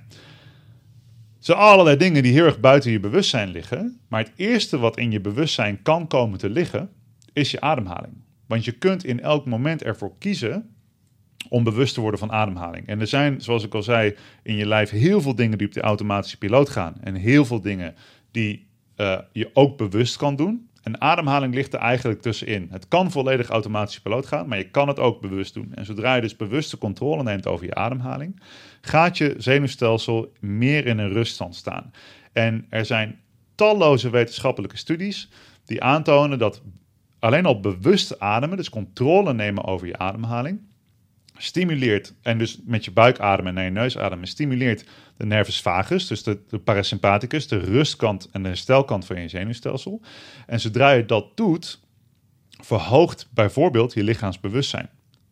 Wat betekent, er wordt een lijntje van verbinding gelegd tussen je mind en je body. Dus de mind-body connectie kan heel makkelijk tot, tot stand gebracht worden door middel van ademhaling. Nou, hier is het leuke je lijf moet luisteren naar je ademhaling. Want zodra je bijvoorbeeld de zuurstoftoevoer naar je lijf gaat verminderen, dan is de enige optie die je lijf heeft om je hartslag te verlagen. Mhm. Want je hebt gewoon minder vermogen tot energie maken. En dit is waar ik het verhaal mee begon. Een staat van lichaam en geest creëert een staat van ademhaling. Iedereen weet, als je uh, een paniekaanval hebt, ben je aan het hyperventileren. Als je gaat sporten, ga je versneld ademhalen. Als je opgelucht bent, slaak je een zucht van opluchting. Als je helemaal relaxed ochtends wakker wordt op je vrije dag, adem je door je neus en naar je buik, hopelijk. Ehm, wat we niet hebben geleerd is dat een staat van ademhaling ook een staat van lichaam en geest creëert. Het moet wel, het is tweerichtingsverkeer, want je lijf heeft geen optie. Ehm, zodra je je ademhaling gaat verminderen, moet je hartslag omlaag. Nou, hier is het leuke. Vanuit de polyvagal theory wordt ook omschreven dat diezelfde nervus vagus, die parasympathicus, die rustkant van het zenuwstelsel, die hangt inherent samen met ons vermogen om ons sociaal te verbinden. En dus om ons te verbinden met onszelf. Want zelfbewustzijn ligt daarin.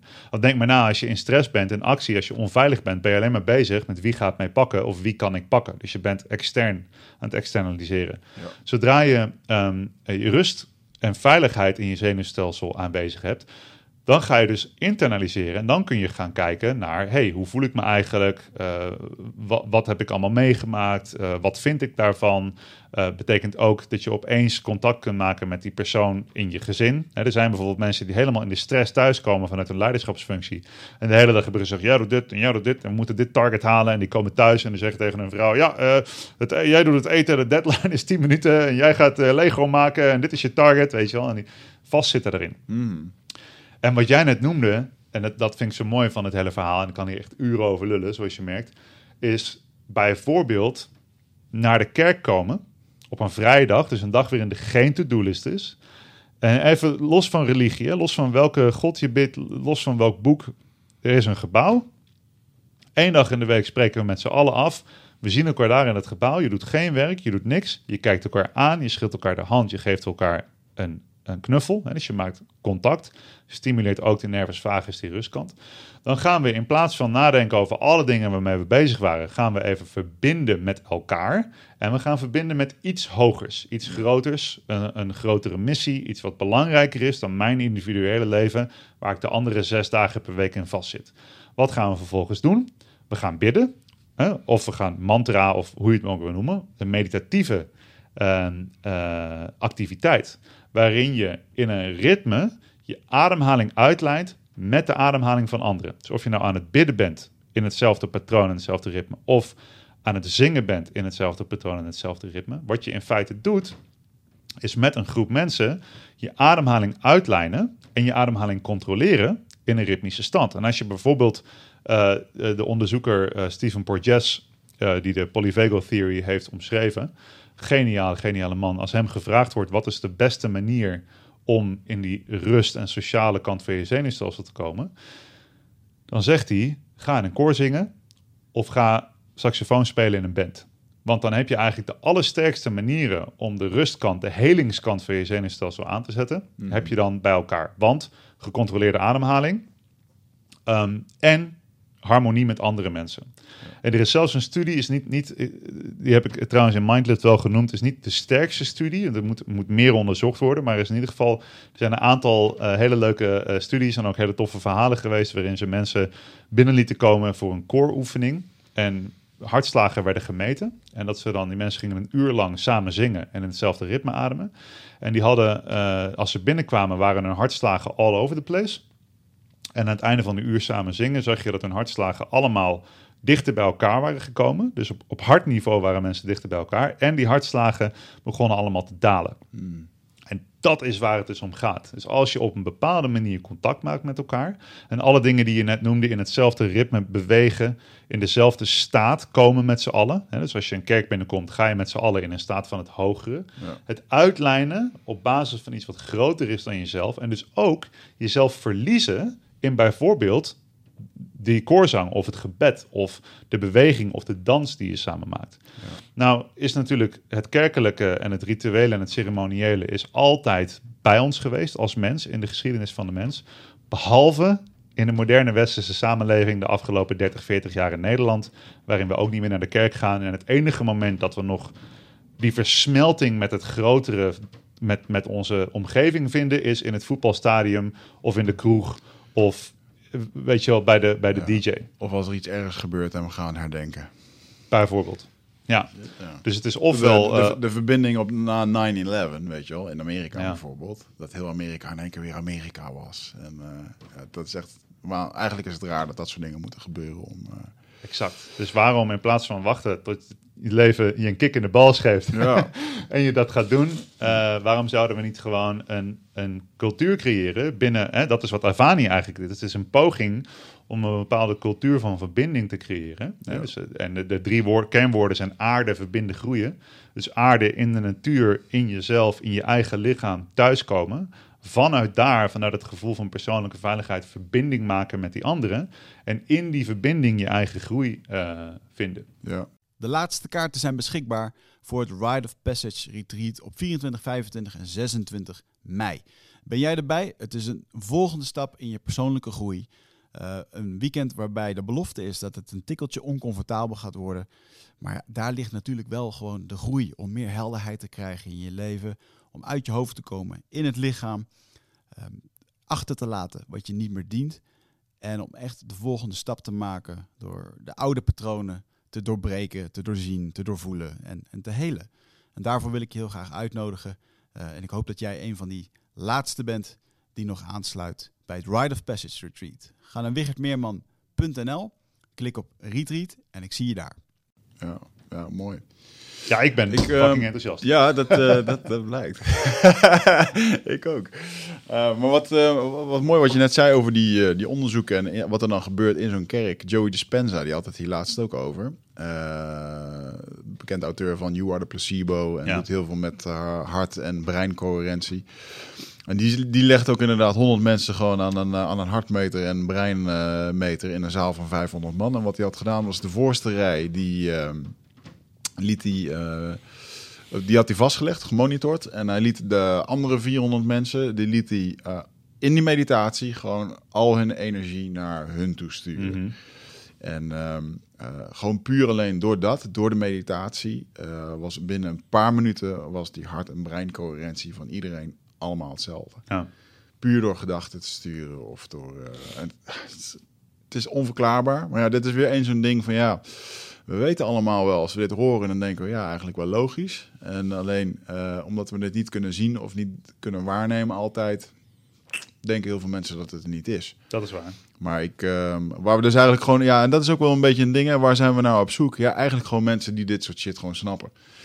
Ehm, weet je, het hoeft niet allemaal, uh, je hoeft het niet allemaal zo te bestudeerd te hebben zoals een, als een Casper of, of als ik. Maar wel dat je er gewoon voor open staat dat dit soort dingen gewoon werken. En misschien nog wel liever dat je het gewoon, dat je dat weet uit ervaring dan dat je het helemaal weet te onderbouwen. Maar wat wel heel krachtig is, is op het moment als je het weet te onderbouwen, je hebt er net ervaren, je hebt er context bij, uh, dat het veel makkelijker is om toe te passen in, uh, in het vervolg. Want ja.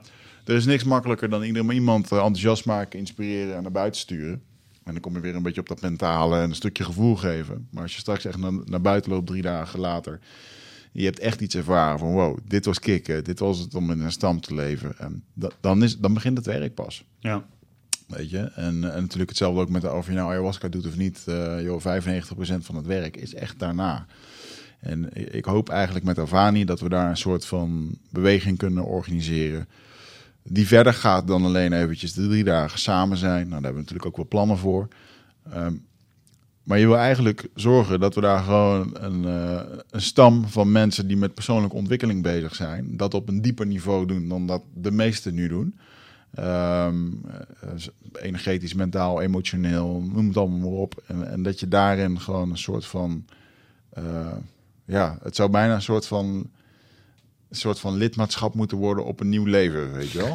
Dat is nou, en het, wat, wat je daar zegt, vind ik wel belangrijk, want een nieuw leven, heel veel mensen dat dat betekent, denken dat dat betekent dat je um, allerlei aspecten van je leven verandert op een oppervlakkig niveau. Dus heel veel mensen komen bijvoorbeeld uit een ayahuasca-retreat terug, of uit wat voor retreat dan ook, uit een meditatie, of ze hebben ergens een, een life-changing experience gehad. Van nou, nou is alles anders. En dan willen ze een andere baan en ze willen hun huwelijk opzeggen en ze willen, en ze willen gaan ondernemen en ze gaan ergens anders wonen en ze gaan in de, in de jungle leven op een houtje bijten en allemaal van die enorme veranderingen die eigenlijk externe veranderingen zijn. Ze zeggen nu ga ik dat veranderen en dat veranderen en dat veranderen. Nou, wat mijn ervaring is, um, is, is dat, ja, dan, dan neem je dus vanuit een nieuw inzicht dat je nog niet geïntegreerd hebt, eigenlijk uh, je, je oude zelf mee naar een nieuwe omgeving in de hoop dat die je beeld van die nieuwe zelf gaat ondersteunen. Maar ja, dan heb je gewoon je oude zelf weer in een nieuwe omgeving, waardoor je uiteindelijk weer dezelfde ontevredenheden en zo opbouwt. En het grappige is wat ik, en het is toevallig schreef ik er vorige week nog wat over, is dat als ik nu, ik heb in de afgelopen jaar anderhalf jaar echt een, echt een complete transformatie doorgemaakt. Aan het oppervlak zijn eigenlijk de dingen nog hetzelfde. Ik ben bezig met hetzelfde werk. Ik, ik heb een paar andere keuzes gemaakt. gemaakt. Ik woon in hetzelfde huis. Ik heb, dezelfde, ik heb zelfs een oudere auto nu. een lelijkere auto. Uh, en uh, ik draag dezelfde kleren. Um, ik hoef niet te, verhuizen of te verkassen of wat dan ook. Um, maar de, de, de veranderingen zijn enorm in de diepte. Dus echt in mijzelf en de manier waarop ik in het leven kijk. Aan het oppervlak. En, en het is dus ook niet zo dat ik hier dat ik het aan de grote klok hang. En, en de zekere zin wel, want het is ook mijn werk op social mm. media erover posten. Ja. Maar waar, wat, ik, wat ik echt merk, de winst zeg maar die ik eruit haal, is dat ik mensen een half jaar niet spreek en dat ze met me zitten te kletsen en dat ze zeggen van, wow, het is zo, opeens zo fijn om met jou te praten. En niet dat het eerder niet was, maar het is anders. Het is je ogen fonkelen en je, en je lacht makkelijker en je maakt meer contact met me. Wat, fantastisch, weet je. En mm. dat ik daardoor met meer gemak uh, ook contact maak met mensen die voor mij belangrijk zijn. Uh, nieuwe mensen ontmoeten. Dat ik daardoor ook veel uh, authentiek in mijn eigen waarheid kan spreken, waardoor ik zakelijk meer succes heb. Grappig genoeg. Dus ik hoef niet meer te pitchen, ik hoef niet meer te onderhandelen. Ik spreek gewoon mijn waarheid, ik blijf bij mezelf. En dit zijn enorme veranderingen aan de binnenkant. En aan de buitenkant betekent het dat ik mijn woorden net iets anders kies, of mijn intonatie, of op net op een andere manier iemand aankijk, of op een andere manier mijn geliefde een knuffel geef. Um, en dat is ook waarom ik aanraad aan het einde van mijn retreats nu. En wat ik ook voor, voor Avani belangrijk vind, is om tegen mensen te zeggen van ja, in de eerste twee weken na zo'n retreat heb je ga, dan, ga dan niet meteen weet je, al die baan opzeggen of dat, dat huwelijk beëindigen of die enorme verandering maken. Ga eerst eens kijken of je die verandering helemaal kan internaliseren en daar echt aan kan werken. En vertrouw er dan op dat die interne verandering uiteindelijk ehm, jou het meest gaat dienen. En dat die aan het oppervlak er heel subtiel uit kan zien. En het kan ook frustrerend zijn, want dan denk je van ja, ik ben een ander mens, ik ben herboren. En mijn omgeving is me nog niet daarvoor aan het toejuichen. Uh, en dat hoort erbij. Dat is iets wat jij, wat jij ook eerder zei, van mensen voelen zich soms eenzaam op dit pad, omdat je enorme inzichten krijgt, enorme veranderingen, transformaties intern doormaakt. En dat je thuis komt en je denkt van ja, eh, alles is nog een beetje hetzelfde. Ja. Maar dat, dat, is juist het mooie ervan. Weet je? En dat vind ik met, met Avani heel belangrijk, om ook de integratie in je normale leven, of in je oude le in, in je dagelijks leven, um, echt solide te maken. Dat, uh, dat, dat je, al doe je alle dingen, alles, alle dezelfde, zeg maar, al doe je al dezelfde dingen, maar je doet ze op een andere manier, bijvoorbeeld vanuit zelfliefde, vanuit zelfhaat. Ja. Dat is een enorme verandering, terwijl je dezelfde dingen ja, doet. Ja, nou, mijn uh, hypnotherapeut die stelde mij een keer een goede vraag. Toen uh, zaten we over al mijn problemen en uitdagingen te praten. en toen zei ze, Wigert, als je nou één ding mocht veranderen... en um, wat al die dingen zou oplossen, wat zou dat dan zijn? Ja, zelfvertrouwen, weet ja. je? Gewoon, dus als je weet dat dat een van de dingen, of als dat het ding is wat, uh, wat, wat alles keer 100 kan laten gaan, dan wordt het veel behapbaarder om daar, uh, om daar naartoe te gaan. En plus ook de erkenning dat. Um, um, ik wil je niet een, uh, een driedaagse retreat aanpraken, aanpraten waarbij je een quick fix beloofd krijgt. zo van ga je drie dagen heen en je bent al je beperkte overtuigingen kwijt. En nee, weet je wel, want zo werkt het ook gewoon niet. Maar wat wel heel mooi is, is dat je er eventjes aan blootgesteld kan worden op, op manieren die je nog nooit bent tegengekomen. Um, want het mooie hierin is dus ook dat uh, uh, er gaat ook een stuk, uh, het alleenstuk gaat heel erg in, in, naar voren komen. Dus eh, dingen met jezelf doen en ehm, jezelf daar misschien wat eenzaam in vinden. Maar je gaat het ook vinden onder groepsdruk. Hmm. Dus inderdaad, met honderd mensen oefeningen doen of wat dan ook. Of waar mensen, soms, sommigen zullen daar heel gemakkelijk in gaan. Sommigen zullen er dood ongemakkelijk van worden. Um, wat heel normaal is, want uh, je staat in één keer straks met honderd vreemde uh, dingen te doen. En uh, je bent bang dat jij de enige bent. Of je kan van, alles, van allerlei omhoog komen. Maar het is wel mooi. Ik ben ervan overtuigd dat je binnen twee tot drie dagen. word je zo erg gespiegeld met dat ene, of die, misschien die twee dingen die jou het meeste tegenhouden. Waardoor dat hetgene is waar je vervolgens, en dat zal je zelf moeten doen. En hopelijk kunnen we daar later wat in faciliteren. Dat je gewoon een, een ding hebt van ja, oké, ik moet dus gewoon wat aan, die zelf, aan het zelfvertrouwen. Ja. Ik moet niet meer op social, ik moet niet zes keer per week op social media posten om succesvol te zijn met mijn bedrijf. Ik, ik heb gewoon, het heeft gewoon met zelfvertrouwen te maken. Ik moet mijn shit op orde krijgen. En ik denk dat dat uh, de reis is die, uh, joh, sommigen mogen daar best wel, uh, trek daar gewoon één of twee jaar vooruit. Ik bedoel, ja. moet je kijken hoe jij nu in de afgelopen twee jaar bent gegroeid. de dingen die je hebt meegemaakt. En, en ja, iedereen gaat daar doorheen. Niemand uitgezonderd. Ja man, ik, ik moet zeggen, toen we het hier voor het eerst over hadden, toen zei je van ik wil geen pen en papier retreat. En dat, dat vond ik ook een hele sterke. Want dat gaat heel erg over wat je net zei. Want er wordt in de, in de markt wordt er heel veel, worden er heel veel formules verkocht. Ja. En dan ga je naar zo'n seminar en dan krijg je uh, allemaal prachtige bullet points en systemen en patronen en grafieken. En aan het einde van die seminar heb je een uh, set aantekeningen in je werkboek. Of op je, in, je, ja, in je aantekeningenboekje. En dat is eigenlijk een to-do-list. Ja. En, en, en dan wordt er ook gezegd van, kijk, nu heb je alle oplossingen. Of een how-to. Ja. ja, een how-to. Hier heb je de zeven sleutels tot succes. En dan, en dan denk je ook van, ja, dat voelt van, ja, dat, als ik dit verander, dan is mijn leven 100% anders. En, en de guru die zegt, nou, uh, wie het dan ook is, zegt, nou, dit, als je, nou, hier heb je de to-do-list, ga maar doen. Dan denk je, nou, mijn leven is opgelost, ik heb hier een to-do-list. En dan ga je, kom je thuis met die to-do-list en dan denk je van, ja, hoe ga ik dit doen? Weet je wel? En dan, en dan geef je jezelf een enorme taak. Ja. Uh, om je hele leven om te gooien op basis van die bullet points die je cognitief fantastisch begrijpt. Ja. En dan loop je de hele tijd tegen hetzelfde ding aan van ja, maar in mijn leven lukt het mij niet om deze dingen elke dag toe te passen. En wat gebeurt er dan? Ja, dat breekt je zelfvertrouwen af. En elke keer denk, als je denkt aan die fantastische oplossingsformule voor je hele leven, dan realiseer je dat je dat niet hebt gedaan. En dan komt er weer dat, dat monstertje van zelfhaat of van, van uh, zelfdiscipline, weet je, of afkeuren komt weer kijken. En dat is net zoals met, met uh, mensen die in de, in de dieetindustrie loop zitten.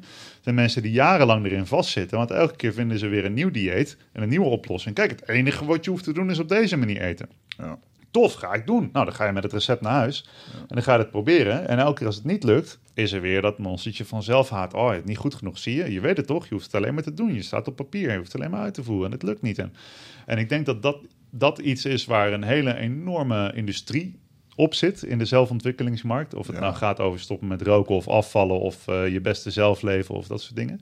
Niet, niet om, om, om afkeurend te wijzen naar andere mensen. Ja. Ik, eh, ik denk dat dat ook voor veel mensen werkt. En die, die industrie heeft mij ook veel geboden. Ja, ja. Maar het laatste wat ik mensen ga vertellen, wat ik mensen ga verkopen, is dat, er, dat we hier even de oplossing hebben voor alle dingen. Weet je wel? En, en ik denk juist ook dat de paradigm shift eruit bestaat dat mensen zich gaan realiseren dat er niet één magic pill is. En dat we moeten stoppen met zoeken naar die magic pill. Al zou die bestaan.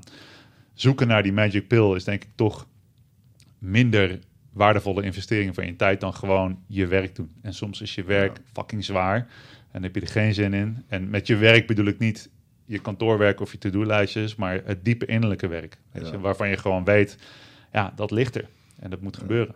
Ja.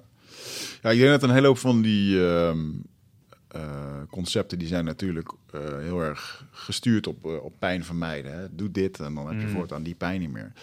Maar als nu mensen aan mij vragen, van, joh, wat is nou het grote verschil tussen jouw Rite of Passage retreat of, eh, of, en, en Avani? En dan zeg ik, ja, het Rite of Passage, dat is echt heel diep en persoonlijk. En eh, gaat inderdaad op, op dat stuk wat je achter wil laten en Ja. eh, een nieuwe start maken. En ik denk dat het stuk Avani veel meer, zich veel meer richt op het plezier. Ja. In de zin van, je krijgt daar allerlei tools en, en, manieren en ervaringen om gewoon meer plezier te kunnen ervaren. Ja. Uh, en eigenlijk gewoon puur door je eigen staat van zijn te veranderen, uh, door de kennis over te krijgen en dan hopelijk om het de volgende keer te herkennen. Uh, en, en hopen dat dat, dat de, het startschot wordt voor, voor ja, een nieuw, nieuwe manier van leven. Ik denk dat Ja. dat wel echt een hele, hele belangrijke is. Ja, en dat, dat is een hele, hele sterke, denk ik, want dat, dan, dan gaat het over aarde, over ankeren eigenlijk. Ja. Dus dat je, dat je een bepaalde ervaring kunt hebben in die setting. Want je bent in de natuur en je hebt vette tipi en we hebben kampvuur. En nou, ik wil niet te veel weggeven, maar we hebben allemaal, allemaal vette we dingen. mogen wel een beetje, ik weet niet hoeveel, volgens mij hebben we nog, oh, we hebben nog wel eventjes. Ja, we hebben nog wel eventjes. Maar in ieder geval, er is een hele vette setting. En daarbinnen kun je bepaalde dingen ervaren. Maar het is heel belangrijk om dus ook die ervaringen te ankeren in jezelf. En dan vervolgens die weer te kunnen vinden in je dagelijks leven. Dat is, dat is waar het dagelijkse werk heel erg in zit. En dat is ook, weet je, ik heb dan die biohacking breathwork uh, retreat. En dat gaat heel erg over biohacken, over ademhalen. En je, ja, je hele dag doornemen en kijken van waar kun je met ademhaling dingen tweaken. Maar dat, dat is ook ander werk. Dat is Ja. heel, erg, heel erg leefstijlgericht. En hier, uh, ik ga wel theorie delen. Um, uh, en dit soort wetenschappelijke uitleg gegeven over waarom we dingen doen. Maar het is niet omdat mensen dat moeten onthouden of omdat ze. Uh, en eerder deed ik altijd die wetenschappelijke uitleg om mensen te overtuigen. Dat Ja. was mijn tool zo van: ja, Ja, maar ja, kijk, als ik het zo uitleg, geloof je het dan? Oh ja, zo geloof ik het wel. Maar um, nu doe ik dat omdat ik me realiseerde dat het aller, allerleukste wat ik kan doen, uh, is dat soort uitleg geven. En de mensen die, um, die, die komen naar dat soort lezingen of dit soort verhalen of die bij Avani komen. Ik ga ervan uit of ik hoop dat die niet komen omdat ze alles willen begrijpen door middel van wetenschappelijke uitleggen. Maar omdat ze, uh, of omdat ze nog zo van nou overtuig mij maar met die uitleg. Maar dat je er zit zo van, nee, dit is het gevoel wat ik wil voelen. Ik wil deze dingen begrijpen. Ja. Daar word ik blij van. Daar word ik, daar word ik gelukkig van. Nou, wat ik een hele mooie vond, wat jij laatst zei, was dat uh, je nog een keertje in werd gevlogen bij een groep CEO's om dan uh, te kletsen over high performance. En dan s ochtends om negen uur, dan zit iedereen daar van, nou, we gaan vandaag kijken hoe we onze agenda het beste kunnen indelen en hoe Ja. we zoveel mails eruit kunnen rammen en uh, hè, optimaal kunnen presteren. Maar dat eigenlijk gewoon dat high performance is dat je gewoon een goede werkdag hebt, productief bent geweest, dat je s'avonds thuis komt en dat je gewoon aanwezig kan zijn bij je gezin. Ja, Dat je je relaxed voelt, dat je tijd hebt voor die kleine, dat je even bewust meemaakt dat die, eh, dat die over een kwartier naar bed gaat en eh, dat je dan lekker even wat mee gaat doen. Eh, om vervolgens thuis te kunnen zijn en eh, in je lichaam te zitten en, en dat je niet gestrest bent. ja, Dat is in, ja, in mijn ogen ook eh, high performance, want dat Ja. is uiteindelijk wat iedereen wil. Eh, ja, en mensen willen dingen ontstijgen. Hè? Die high performance denken mensen dat het, het superhuman, dat het gaat over het ontstijgen van het menselijke. ja. Maar het is gewoon fantastisch om, om, om het menselijke volledig te omarmen. Ja. Weet je? Gewoon, je hebt een lichaam en aan het eind van de dag moet je gewoon eten en poepen. Ja. je wil gewoon Ja. seks kunnen hebben. En het grappige is dat eten en poepen en seks hebben zijn dingen waar heel veel mensen niet eens meer kunnen. Omdat hun lichaam zo in de stress zit. Dat hun stoelgang en, en intimiteit en al die dingen zijn niet meer beschikbaar. Weet je? En de-. Het is heel grappig dat we dat, dat soort basale biologische functies zo uitgedaagd worden. Omdat ja, zo, een zogenaamd high performance. Ja, dan heb je dan je miljoenenbedrijf gebouwd. Maar je kan niet eens naar de wc. Nee, nee maar ook die combinatie tussen uh, van uh, hoe wil je je voelen en wat ben je aan het doen. Ik deed dat laatst op mijn tweedaagse met ondernemers. Dat ze zich, oké, okay, uh, hoe zou je jezelf het liefst willen voelen? Dat is een hele goede vraag om jezelf, om eventjes terug bij jezelf te komen. Oké, wat ben je nu aan het doen? Hoe, hoe zou je je willen voelen? Hoe wil je je voelen? Heel veel mensen weten niet eens omdat, hoe ze dat kunnen beschrijven, omdat ja. ze er niet bij kunnen komen. Uh, anderzijds, als je dat dan beschreven hebt, kijk dan eens eventjes naar dat top 10 lijstje doelen wat ik je net heb laten opschrijven, wat je op elke seminar krijgt. Van wat wil je nou? En staat die top 3 of die top 5, wat daar staat, heeft dat ook enige verbinding met hoe dat je je wil voelen of hoe dat je je nu voelt? En dan zie je toch bij een hele hoop ondernemers van ja, eigenlijk wat daar staat, ja, ik krijg, eigenlijk gewoon, krijg er eigenlijk gewoon stress van. In plaats van dat ik me gezond of rustig of leuk wil voelen. Dus we zijn met ons hoofd. Ons hoofd is eigenlijk gewoon het systeem compleet aan het overriden. Waardoor je continu niet lekker voelt of niet bij je gevoel zit. Ja, doe, Dat, doe dat twee, drie of vier of vijf of tien jaar. Want zo sluimert het het wel in. Uh, ja, dan, dan, en dan, dan is dat ook het enige wat je nog kunt. Ja. En dat is ook exact diezelfde groep waar je het net over had. Ik werd ingevlogen, high performance speaker. En ik moet allemaal resultaten leveren en zo. En ja, we willen onze doelen halen. En uh, is het zo van, oké, maar kan je ook zeg maar aan het einde van een werkdag van 12 uur thuis je tas neerzetten, je telefoon uitzetten en met je kinderen knuffelen? Kan je dat? En dat, dat echt zo'n confronterend moment zo van, uh, nee. Oké, wat nou als dat je doel wordt voor kwartaal 1. Weet je dat je aan het einde van de dag gewoon thuis kunt komen. En of dat je in bed kan liggen en kan slapen. Weet je, kan je dat? Kan, je, kan je gewoon je eten eten en dan je eten verteren. En dan, en dan gewoon naar de wc om te poepen. Ja. Zo van, nee, dat kan ik eigenlijk niet. Nee, want ik vreet gewoon in de stress in de file. En als ik op de wc zit, ik heb al buikpijn en ik, ik slaap niet. En dan denk ik van, ja, shit, weet je wel. Dus waarom zouden we dat niet als doel stellen? En dat, dat is heel erg waar het menselijk komt, menselijke aspect van kun, kun je nog mens zijn? Ja. Um, en het grappige is ook dat wat jij zegt in zo'n soort oefening, als je mensen dan uitnodigt om zich alvast zo te gaan voelen. Zo van hoe zou je voelen als je al die doelen bereikt hebt? Oh, dan voel ik me zo. Nou, kun je je inbeelden hoe dat zou voelen op dit moment? Kun je dat lokaliseren in je lijf? En als je dan in je lijf contact kan maken met het gevoel en zo van, oh, maar wacht eens eventjes ik voel me nu eigenlijk al zo zoals ik me zou voelen als ik al die dingen behaald heb. Oké, zijn kijk nog eens naar het lijstje, zijn die nog belangrijk? En dan is het van, oh ja.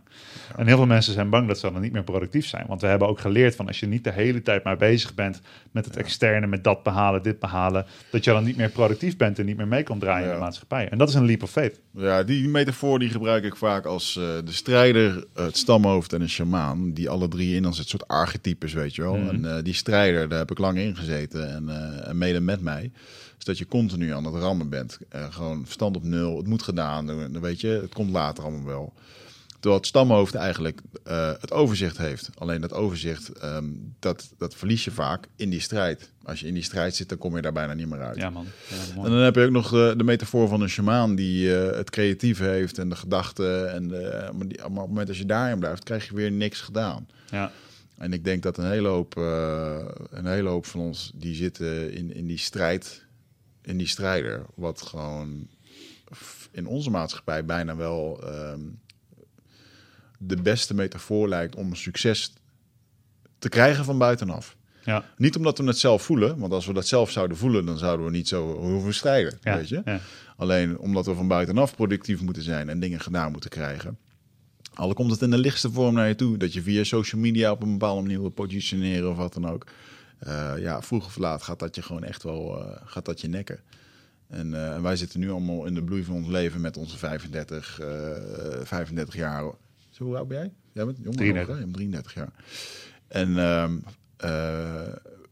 weet je, ik had het toevallig van de week nog met Michel over. Die beschrijft zichzelf nog wel zo. Ah, ik ben al 40. Dude, je bent 40.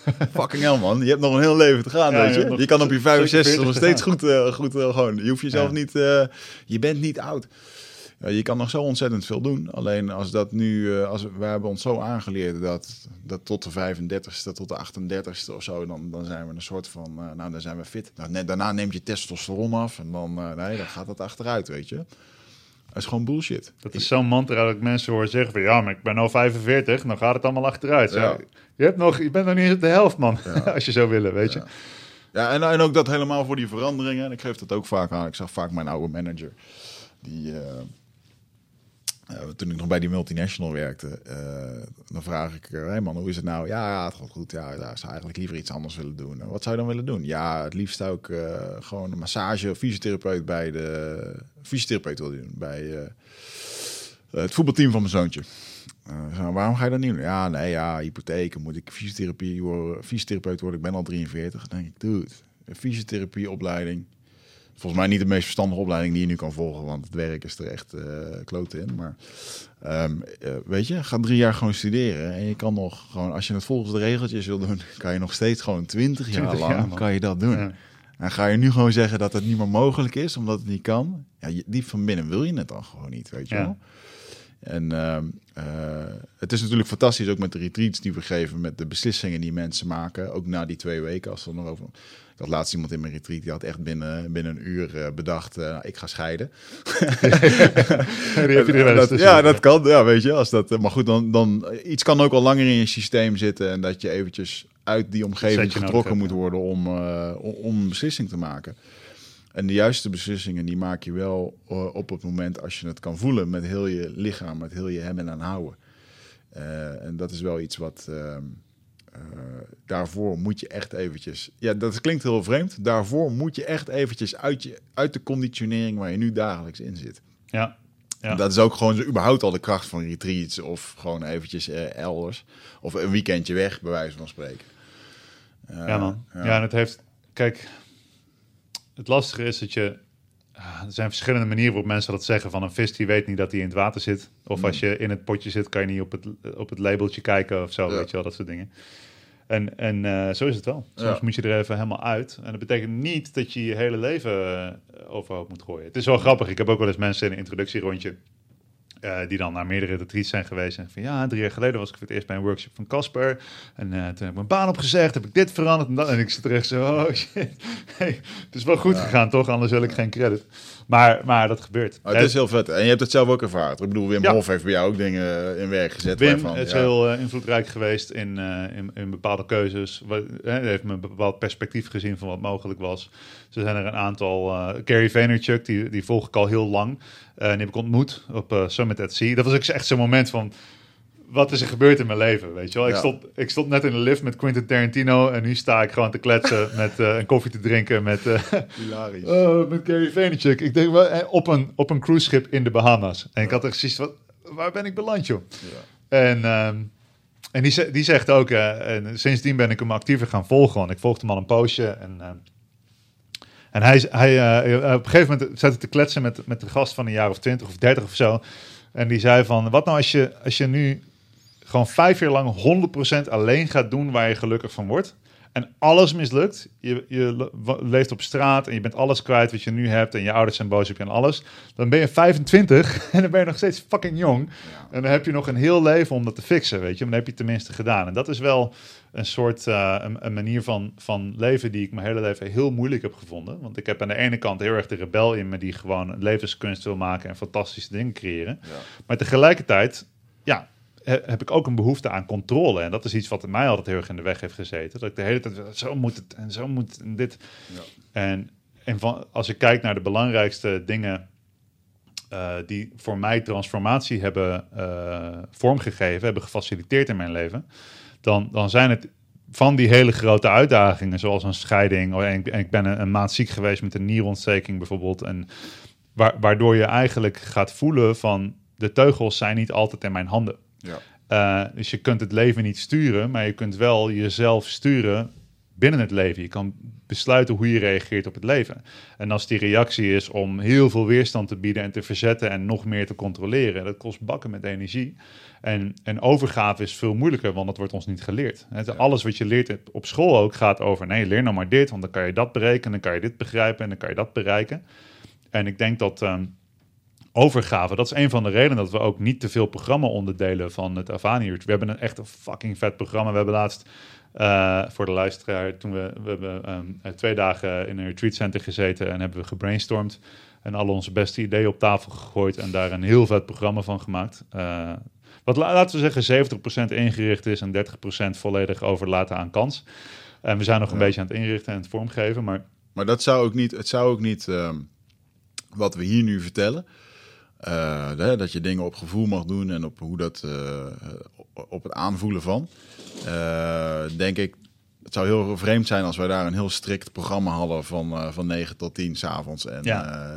nee, dat, je moet gewoon kunnen switchen. Je weet niet wat de groep gaat doen. Je weet niet hoe de groep met elkaar Precies. gaat zijn. En, uh... Ja, het moet allemaal in flow, in flow kunnen gebeuren. En dat is ook iets, ik, dat vind ik heel mooi. Want als je, als je kijkt naar plantmedicijnen, is dat iets wat heel veel gezegd wordt. Van uh, je reis met het medicijn begint op het moment dat je de uitnodiging accepteert. Ja. Dus zodra je je inschrijft voor de retreat. En dat, dat, is, dat geldt hiervoor ook, weet je. Dus als je uh, je aanmeldt hiervoor we hebben een aanmeldingsprocedure, dus er is een vragenlijst. En niet iedereen, je kan niet zomaar aanmelden en betalen, want we willen... We willen ook niet iedereen. Nee, we willen ook niet iedereen. Kijk, een screening is een beetje een lomp woord, eh, maar het is in zekere zin wel zo. Kijk, uh, um, ja, weet je, we hebben geen hele duidelijke vooropgestelde regels van die mag wel meedoen of die mag niet meedoen. We willen ook niet insecten van bouwen, maar het gaat er meer om dat we een idee hebben van, van wat voor soort mensen melden zich nou aan, weet je wel. Want op het moment dat je je aanmeldt, dan maak je dus ook een keuze... Ja om het, in bekende, het onbekende in te stappen. En om dus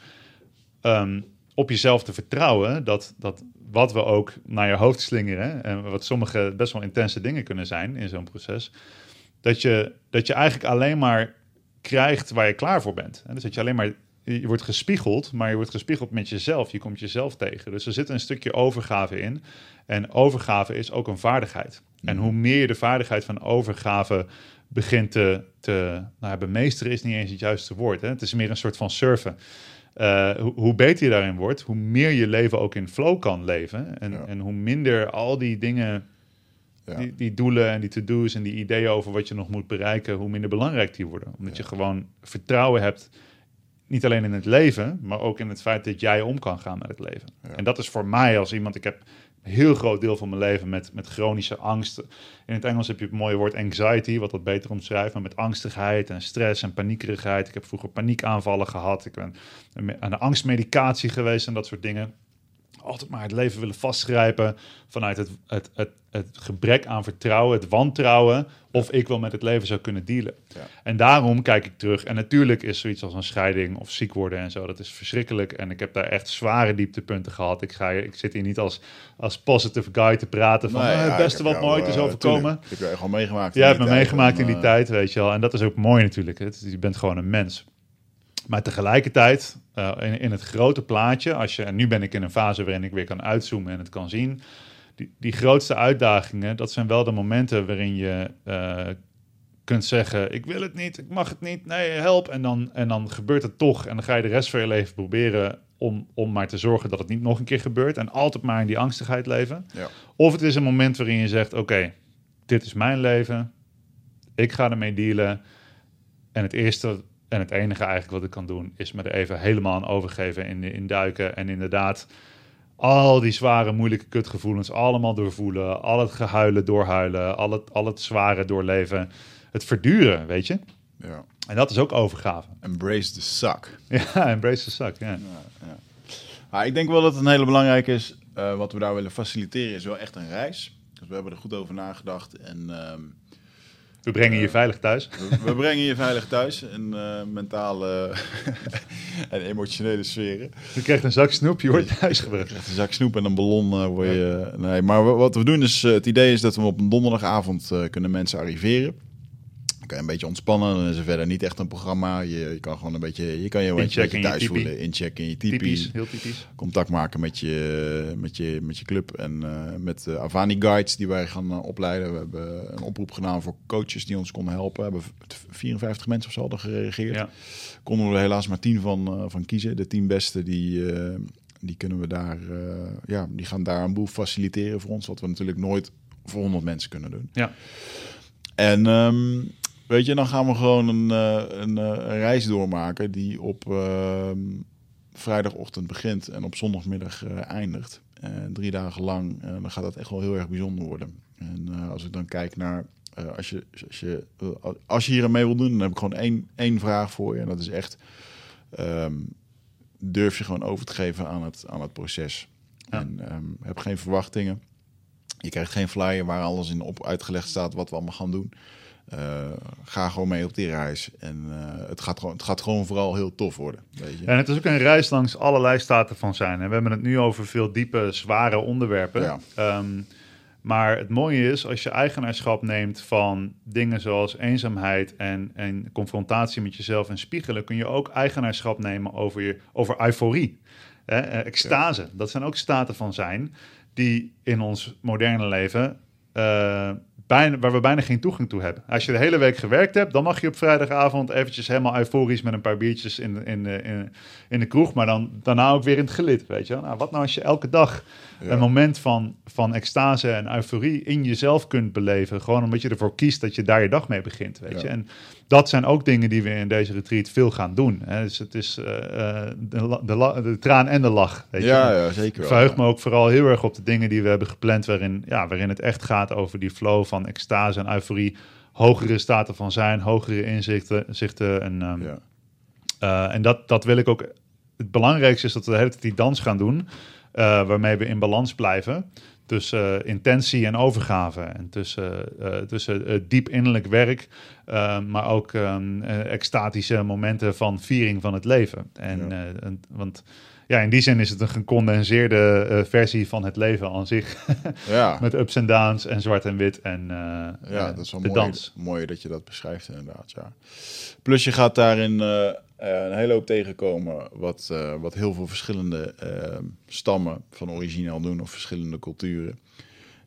Um, dus ja, zoals ik het nu tegen mensen zeg, als je echt eens een keertje wil meemaken, wat is het nou om in een stam te leven? Wat is nou dat gevoel? Nou, dan ben ik 100% van overtuigd dat we dat hier, hier kunnen gaan creëren. Zonder dat je daar met mij mee naar een muggensteek in de jungle hoeft te gaan. Um, maar en dan uiteindelijk is natuurlijk het Avani-concept, is natuurlijk waar wij het hier nu over hebben, is eigenlijk gewoon, uh, het is meer een way of life. Het is meer een, uh, en ik denk ook wel dat dat de intentie is. We hebben nu ook gesproken over wat zouden we eventueel in het vervolg kunnen doen met de mensen die je daar dan leert kennen, met de mensen die, die ons gedachtegoed um, fijn vinden om mee te werken of zich daarmee kunnen identificeren dat we daarin vervolgstappen kunnen maken met nog andere diepgaandere retreats. Of uh, ja, um, misschien zelfs wel ooit een keertje plantmedicijn of andere dingen. Casper heeft trouwens ook. Casper heeft ayahuasca gedronken, jongens. Wil je daar wat over vertellen? Of niet? Ja, kijk. Je bent onlangs naar Mexico geweest en ja. uh, je hebt er voor het eerst aan geproefd. Ja, ayahuasca specifiek wel. Ja. Uh, het medicijnwerk uh, is al langer een deel van mijn pad. Ja. En ik heb daar nooit zo'n uh, zo'n groot punt van gemaakt in mijn uh, communicatie erover, omdat het gewoon niet mijn hoofdonderwerp is. En het is ook meer iets wat mijn persoonlijke reiziger faciliteert, maar waar ik niet per se uh, heel veel over uit. Maar dat is niet omdat ik daar, uh, omdat dat voor mij een taboe onderwerp is of nee, zo. Het is gewoon niet jouw, jouw hoofdtaak, zeg maar. Nee, nee, het is niet, dat is niet per se deel van mijn pad. Maar um, kijk, het zijn allemaal middelen. Alle dingen die je tegenkomt zijn middelen. En of dat nou supplementen zijn of uh, bepaalde manieren van bewegen of tai chi of uh, chakra healing of plantmedicijnen. Het gaat erom dat, um, dat een, bepaald, een bepaalde mate van zelfsturing hebt die je helpt om meer authentiek, integer en volledig je eigen levenspad te, te lopen en je eigen expressie uh, zo, ja, zo eerlijk mogelijk te kunnen uiten. En alle middelen die daarbij helpen, ja. die zijn uh, nuttig. En uh, bijvoorbeeld ayahuasca ik kwam vijf jaar geleden voor het eerst op mijn pad. Zes jaar geleden dat iemand me voor het eerst erover vertelde. En dan stond ik ervoor open en het klonk heel goed. Ik had zoiets van, ja, klinkt, klinkt als fantastisch, kan, kan een fantastische tool zijn. Nou, ook allerlei verhalen gehoord wel van mensen die dat dan, ja, die inderdaad fantastische ervaringen hadden, maar die niet echt wat mee konden. En toen voelde ik van, ja, dit is, dit is een krachtig ding wat, uh, wat enorm zou kunnen helpen. Uh, dit, is voor mij nog niet het moment. En als het moment goed is, dan voel ik het wel. Want alles wat ik doe, um, alle, alle tools die ik aanneem, die wil ik ook met het, met de, die wil ik serieus nemen en met het respect behandelen die, die, die ze verdienen. Ja. En of dat nou ademhaling is, of met, want met ademhaling zie je dat ook mensen die doen één keer een ademsessie en die zijn helemaal, oh, ademhaling is alles. En die willen elke dag alleen maar bezig met nog dieper en nog meer hyperventileren. En dan denk ik van ja, ja. weet je, en hetzelfde geldt voor voeding of... Uh, ik, ik heb wel, uh, ja, ik moet zeggen dat voor mij was uh, het medicijnwerk en ehm, of het nou ayahuasca is en in Nederland heb je de truffel die legaal is, wat veel milder middel is, maar je ook heel veel ruimte geeft om, oh, om, om aan je persoonlijke groei te werken. Um, het lag voor mij heel erg in lijn met al het werk wat ik al aan het doen was. Mhm. Dus ik zit in een, in, een, in een pad, in een flow en ik heb een coach, therapeut. Ehm, eh, ik ben aan het schrijven, ik ben aan het ontwikkelen, ik ben aan het groeien. En dan de vraag is welke building blocks kan ik daar nog inzetten? En voor mij was dit het perfecte moment om bijvoorbeeld met ayahuasca te werken. En ook deze manier, dus het was met een groep mensen die... Uh, uh, ja, redelijk established zijn in het leven, zakelijk. Uh, mensen die heel pragmatisch zijn, die zich vooral afvragen hoe kan ik dit in het dagelijks leven toepassen. De vorm waarin, in deze setting was het ook een, een, een programma van acht weken met drie weken voorbereiding. Een retreat met niet alleen ayahuasca, maar heel veel innerlijk werk. Ik verzorgde daar ademwerk. Um, biohacking, sessies rondom zelfliefde, maar ook rondom doelen in je leven. En dan vervolgens nog vier weken integratie uh, calls met een buddy. En dus het is echt een, een, een heel traject waar je ingaat. En, en dat is voor mij belangrijk. Ik vind het met dingen die ik doe, vind ik het belangrijk dat ik me heb verdiept in de literatuur. Dat ik weet waar het over gaat. Dat ik veilig bezig ben. En dat het ingekleed is op een manier waarvan ik weet. Deze ervaring ga ik ook echt uh, gebruiken om next level te gaan in mijn leven. En deze keer was het uh, ayahuasca. Vier jaar geleden was het de eerste keer dat ik met, dat ik met Wim de natuur in ga, ging. Uh, daarvoor was het de eerste keer dat ik met een maat van mij primitief overleven ging doen. Uh, met de bosbeweging in het bos. Ja. Dus het is meer gewoon van wat is de stap. Wat ik wel het, het beste, wat ik uniek vind aan, aan ayahuasca en, en plantmedicijn in het algemeen, is. Uh, keek je vroeger uh, Dragon Ball Z? Ja, nee, heb ik nooit gekeken. Okay, nou, maar ik weet wel wat het is. Oké, okay, anyway. Nou ja, goed. Dit, dit, dit is een, een, vergelijking die voor sommige mensen helemaal niet opgaat. Maar omdat ze het niet weten. Maar Dragon Ball Z is een, uh, zo'n soort van manga-serie waarin veel gevochten wordt en dat soort dingen. Op een gegeven moment gaat het hoofdpersoon, die gaat naar een andere planeet. Want hij moet zich voorbereiden voor een gevecht. Hij gaat naar een andere planeet. En op die planeet is er meer zwaartekracht. Uh, het is een kleinere planeet, dus alles is extremer. Er is meer zwaartekracht en er is een hele strenge sensei die hem allemaal bijna onmogelijke opdrachten geeft en uitdagingen.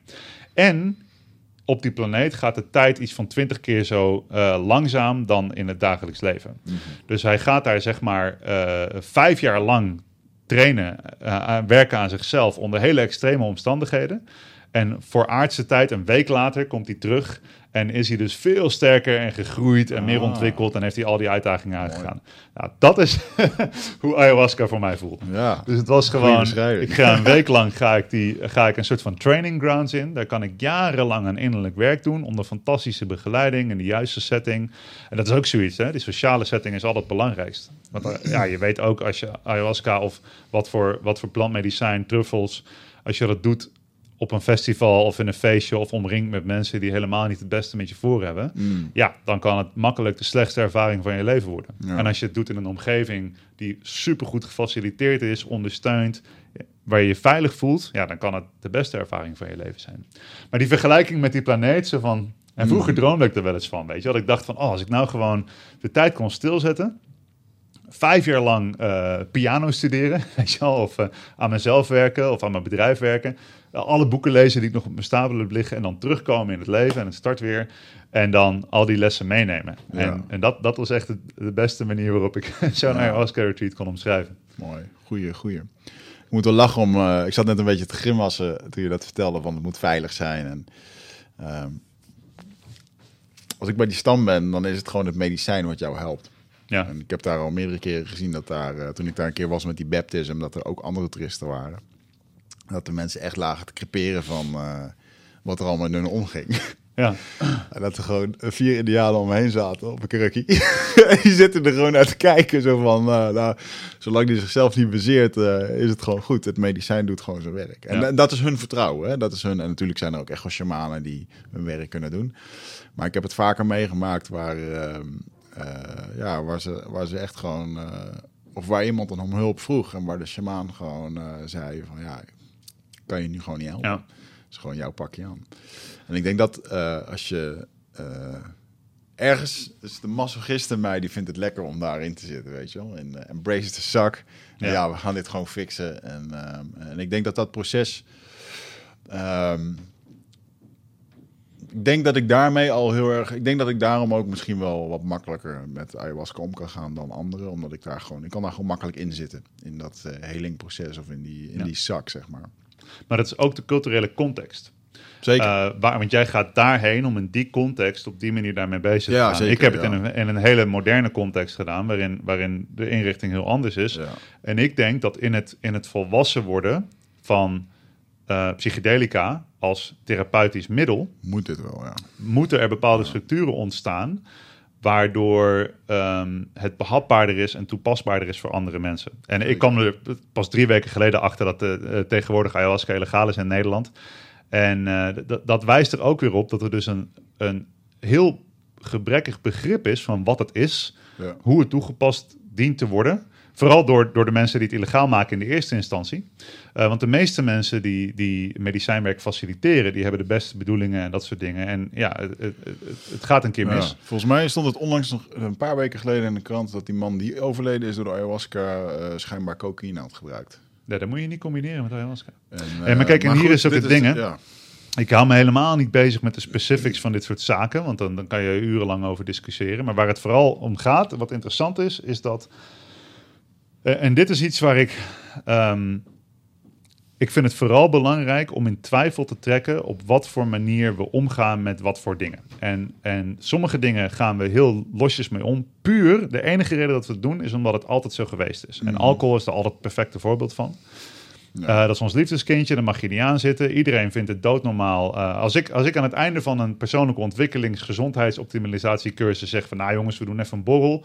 En mensen drinken twee biertjes of misschien drie. En ze stappen in de auto en ze rijden naar huis. Ah joh, hè, borreltje, moet een keer kunnen. Ja. Ook als je gezondheid moet ook in balans blijven. Dus eh, een biertje of twee, prima. Dat vindt iedereen normaal. Vind ik ook prima hoor, absoluut. Maar tegelijkertijd als je het hebt over, over een retreat waarin eh, in een superveilige setting een hele eh, gematigde dosis van volledig legale truffels, waar geen negatieve bijwerkingen van zijn in die setting, toegepast wordt, dan is het oh, edgy en moeilijk en dat is drugs Ja. en dat is gevaarlijk. Dus er is een hele rare dubbele standaard. En als je kijkt hoeveel mensen zich elke week of elke maand dood of kapot rijden of een ander dood of kapot maken onder invloed van alcohol, Ja. en dat er nooit in twijfel wordt gesteld eh, of, dat, of we dat illegaal moeten maken. Ja, Weet je wel? En er gaan twee dingen mis met een paddenstoel of met een ayahuasca en het is meteen illegaal. Dat vind ik een interessant vraagstuk. Ja. Want ik denk dat als ik zo kijk hoe het veld zich ontwikkelt, en het is al een aantal jaren, ken ik veel mensen. eh, kijk, in Amerika hebben ze interessant genoeg een veel volwassenere houding ten opzichte van die studies. Daar heb je een aantal organisaties die heel erg actief hele goede wetenschappelijke studies aan het doen zijn voor therapeutisch toepassen van psychedelica. Ja, en daar zijn gewoon meerdere staten waar alle eh, plantgebaseerde psychedelica al gedecriminaliseerd worden. Wat betekent dat je gewoon zelf mag bepalen of je zo'n ervaring hebt of niet en Ja. hoe je dat doet. Ja. Wat dus betekent dat de hele. Kijk, ayahuasca is illegaal gemaakt op basis van dat DMT illegaal is. En. DMT is in de jaren 60 illegaal gemaakt. Toen Amerika besloot dat er een war on drugs nodig was. Ja. En dat DMT daar gewoon bij ingegooid is. Terwijl Ja. de mensen die dat illegaal maakten waarschijnlijk niet eens wisten wat DMT was. Het was gewoon Amerika is dat spelletje gestart. Die stapt er nu uit. Nou, daar heb je fantastische instituten, organisaties, groepen, eh, collectieve wetenschappers. Geniale mensen die op wonderlijke, veilige manieren eh, laten zien dat het hele veld van psychologische eh, therapie en zorg zelfs heruitgevonden kan worden. Dat, daar, dat er talloze mensen door geholpen kunnen worden als we dat verstandig doen.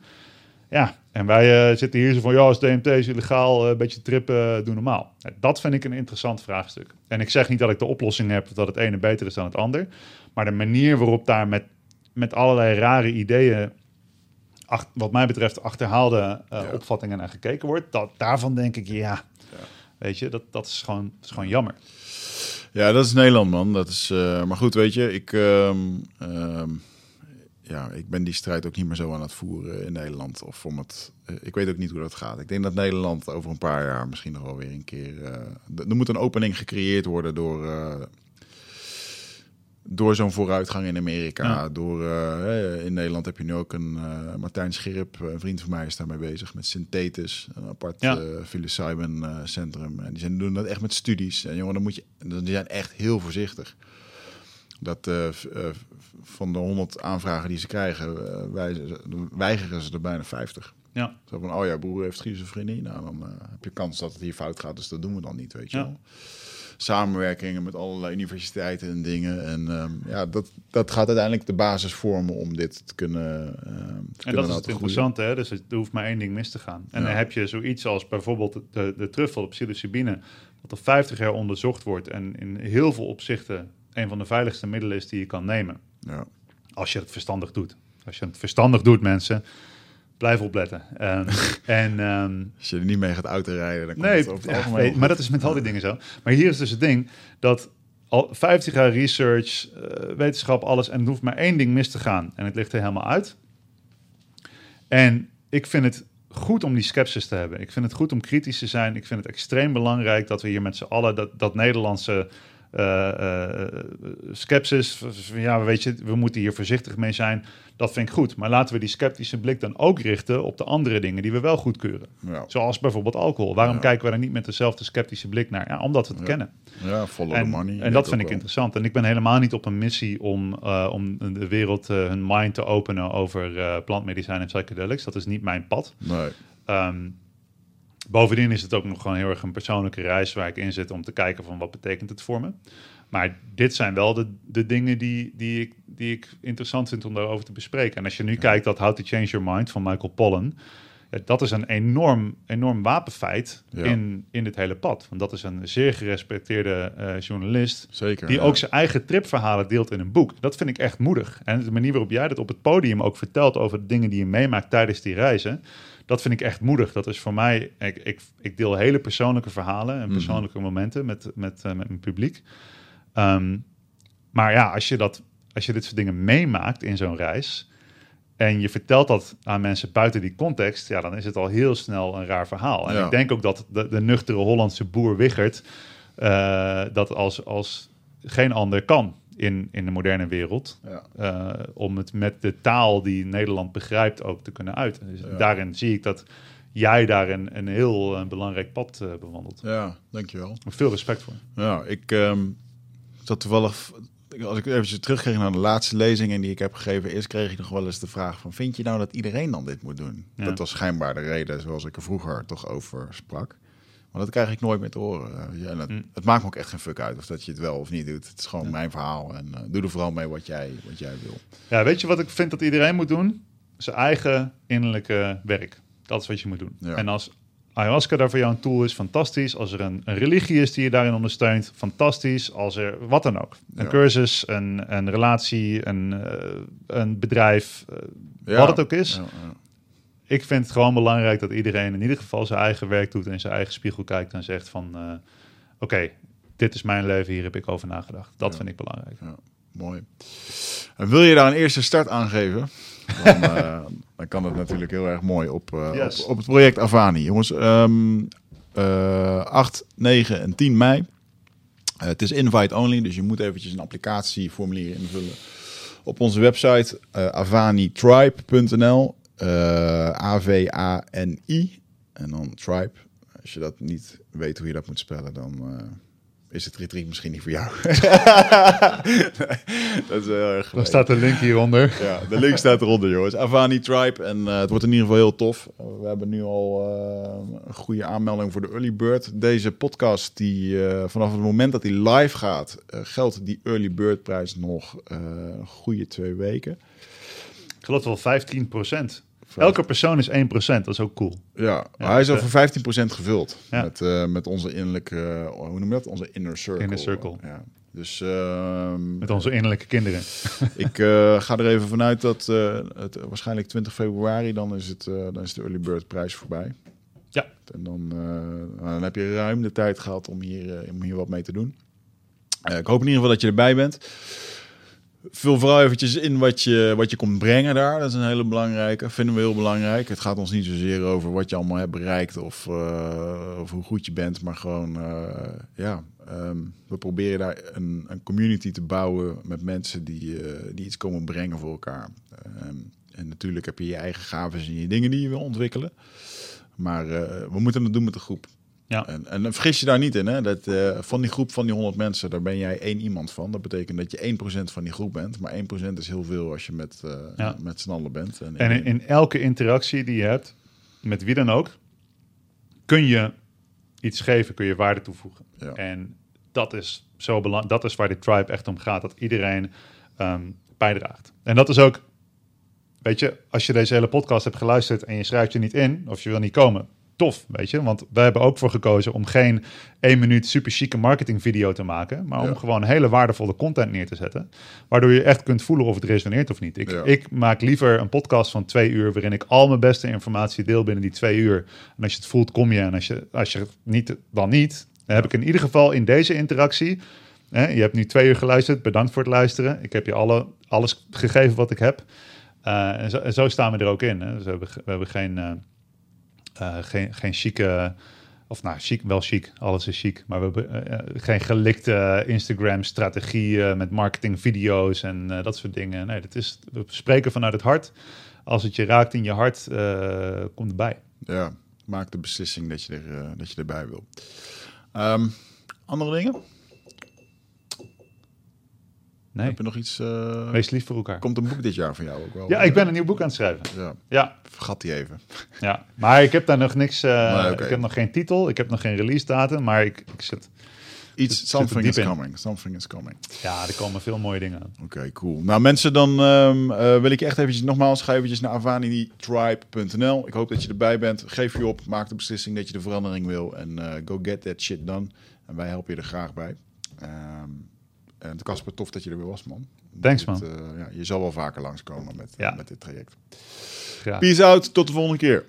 Peace!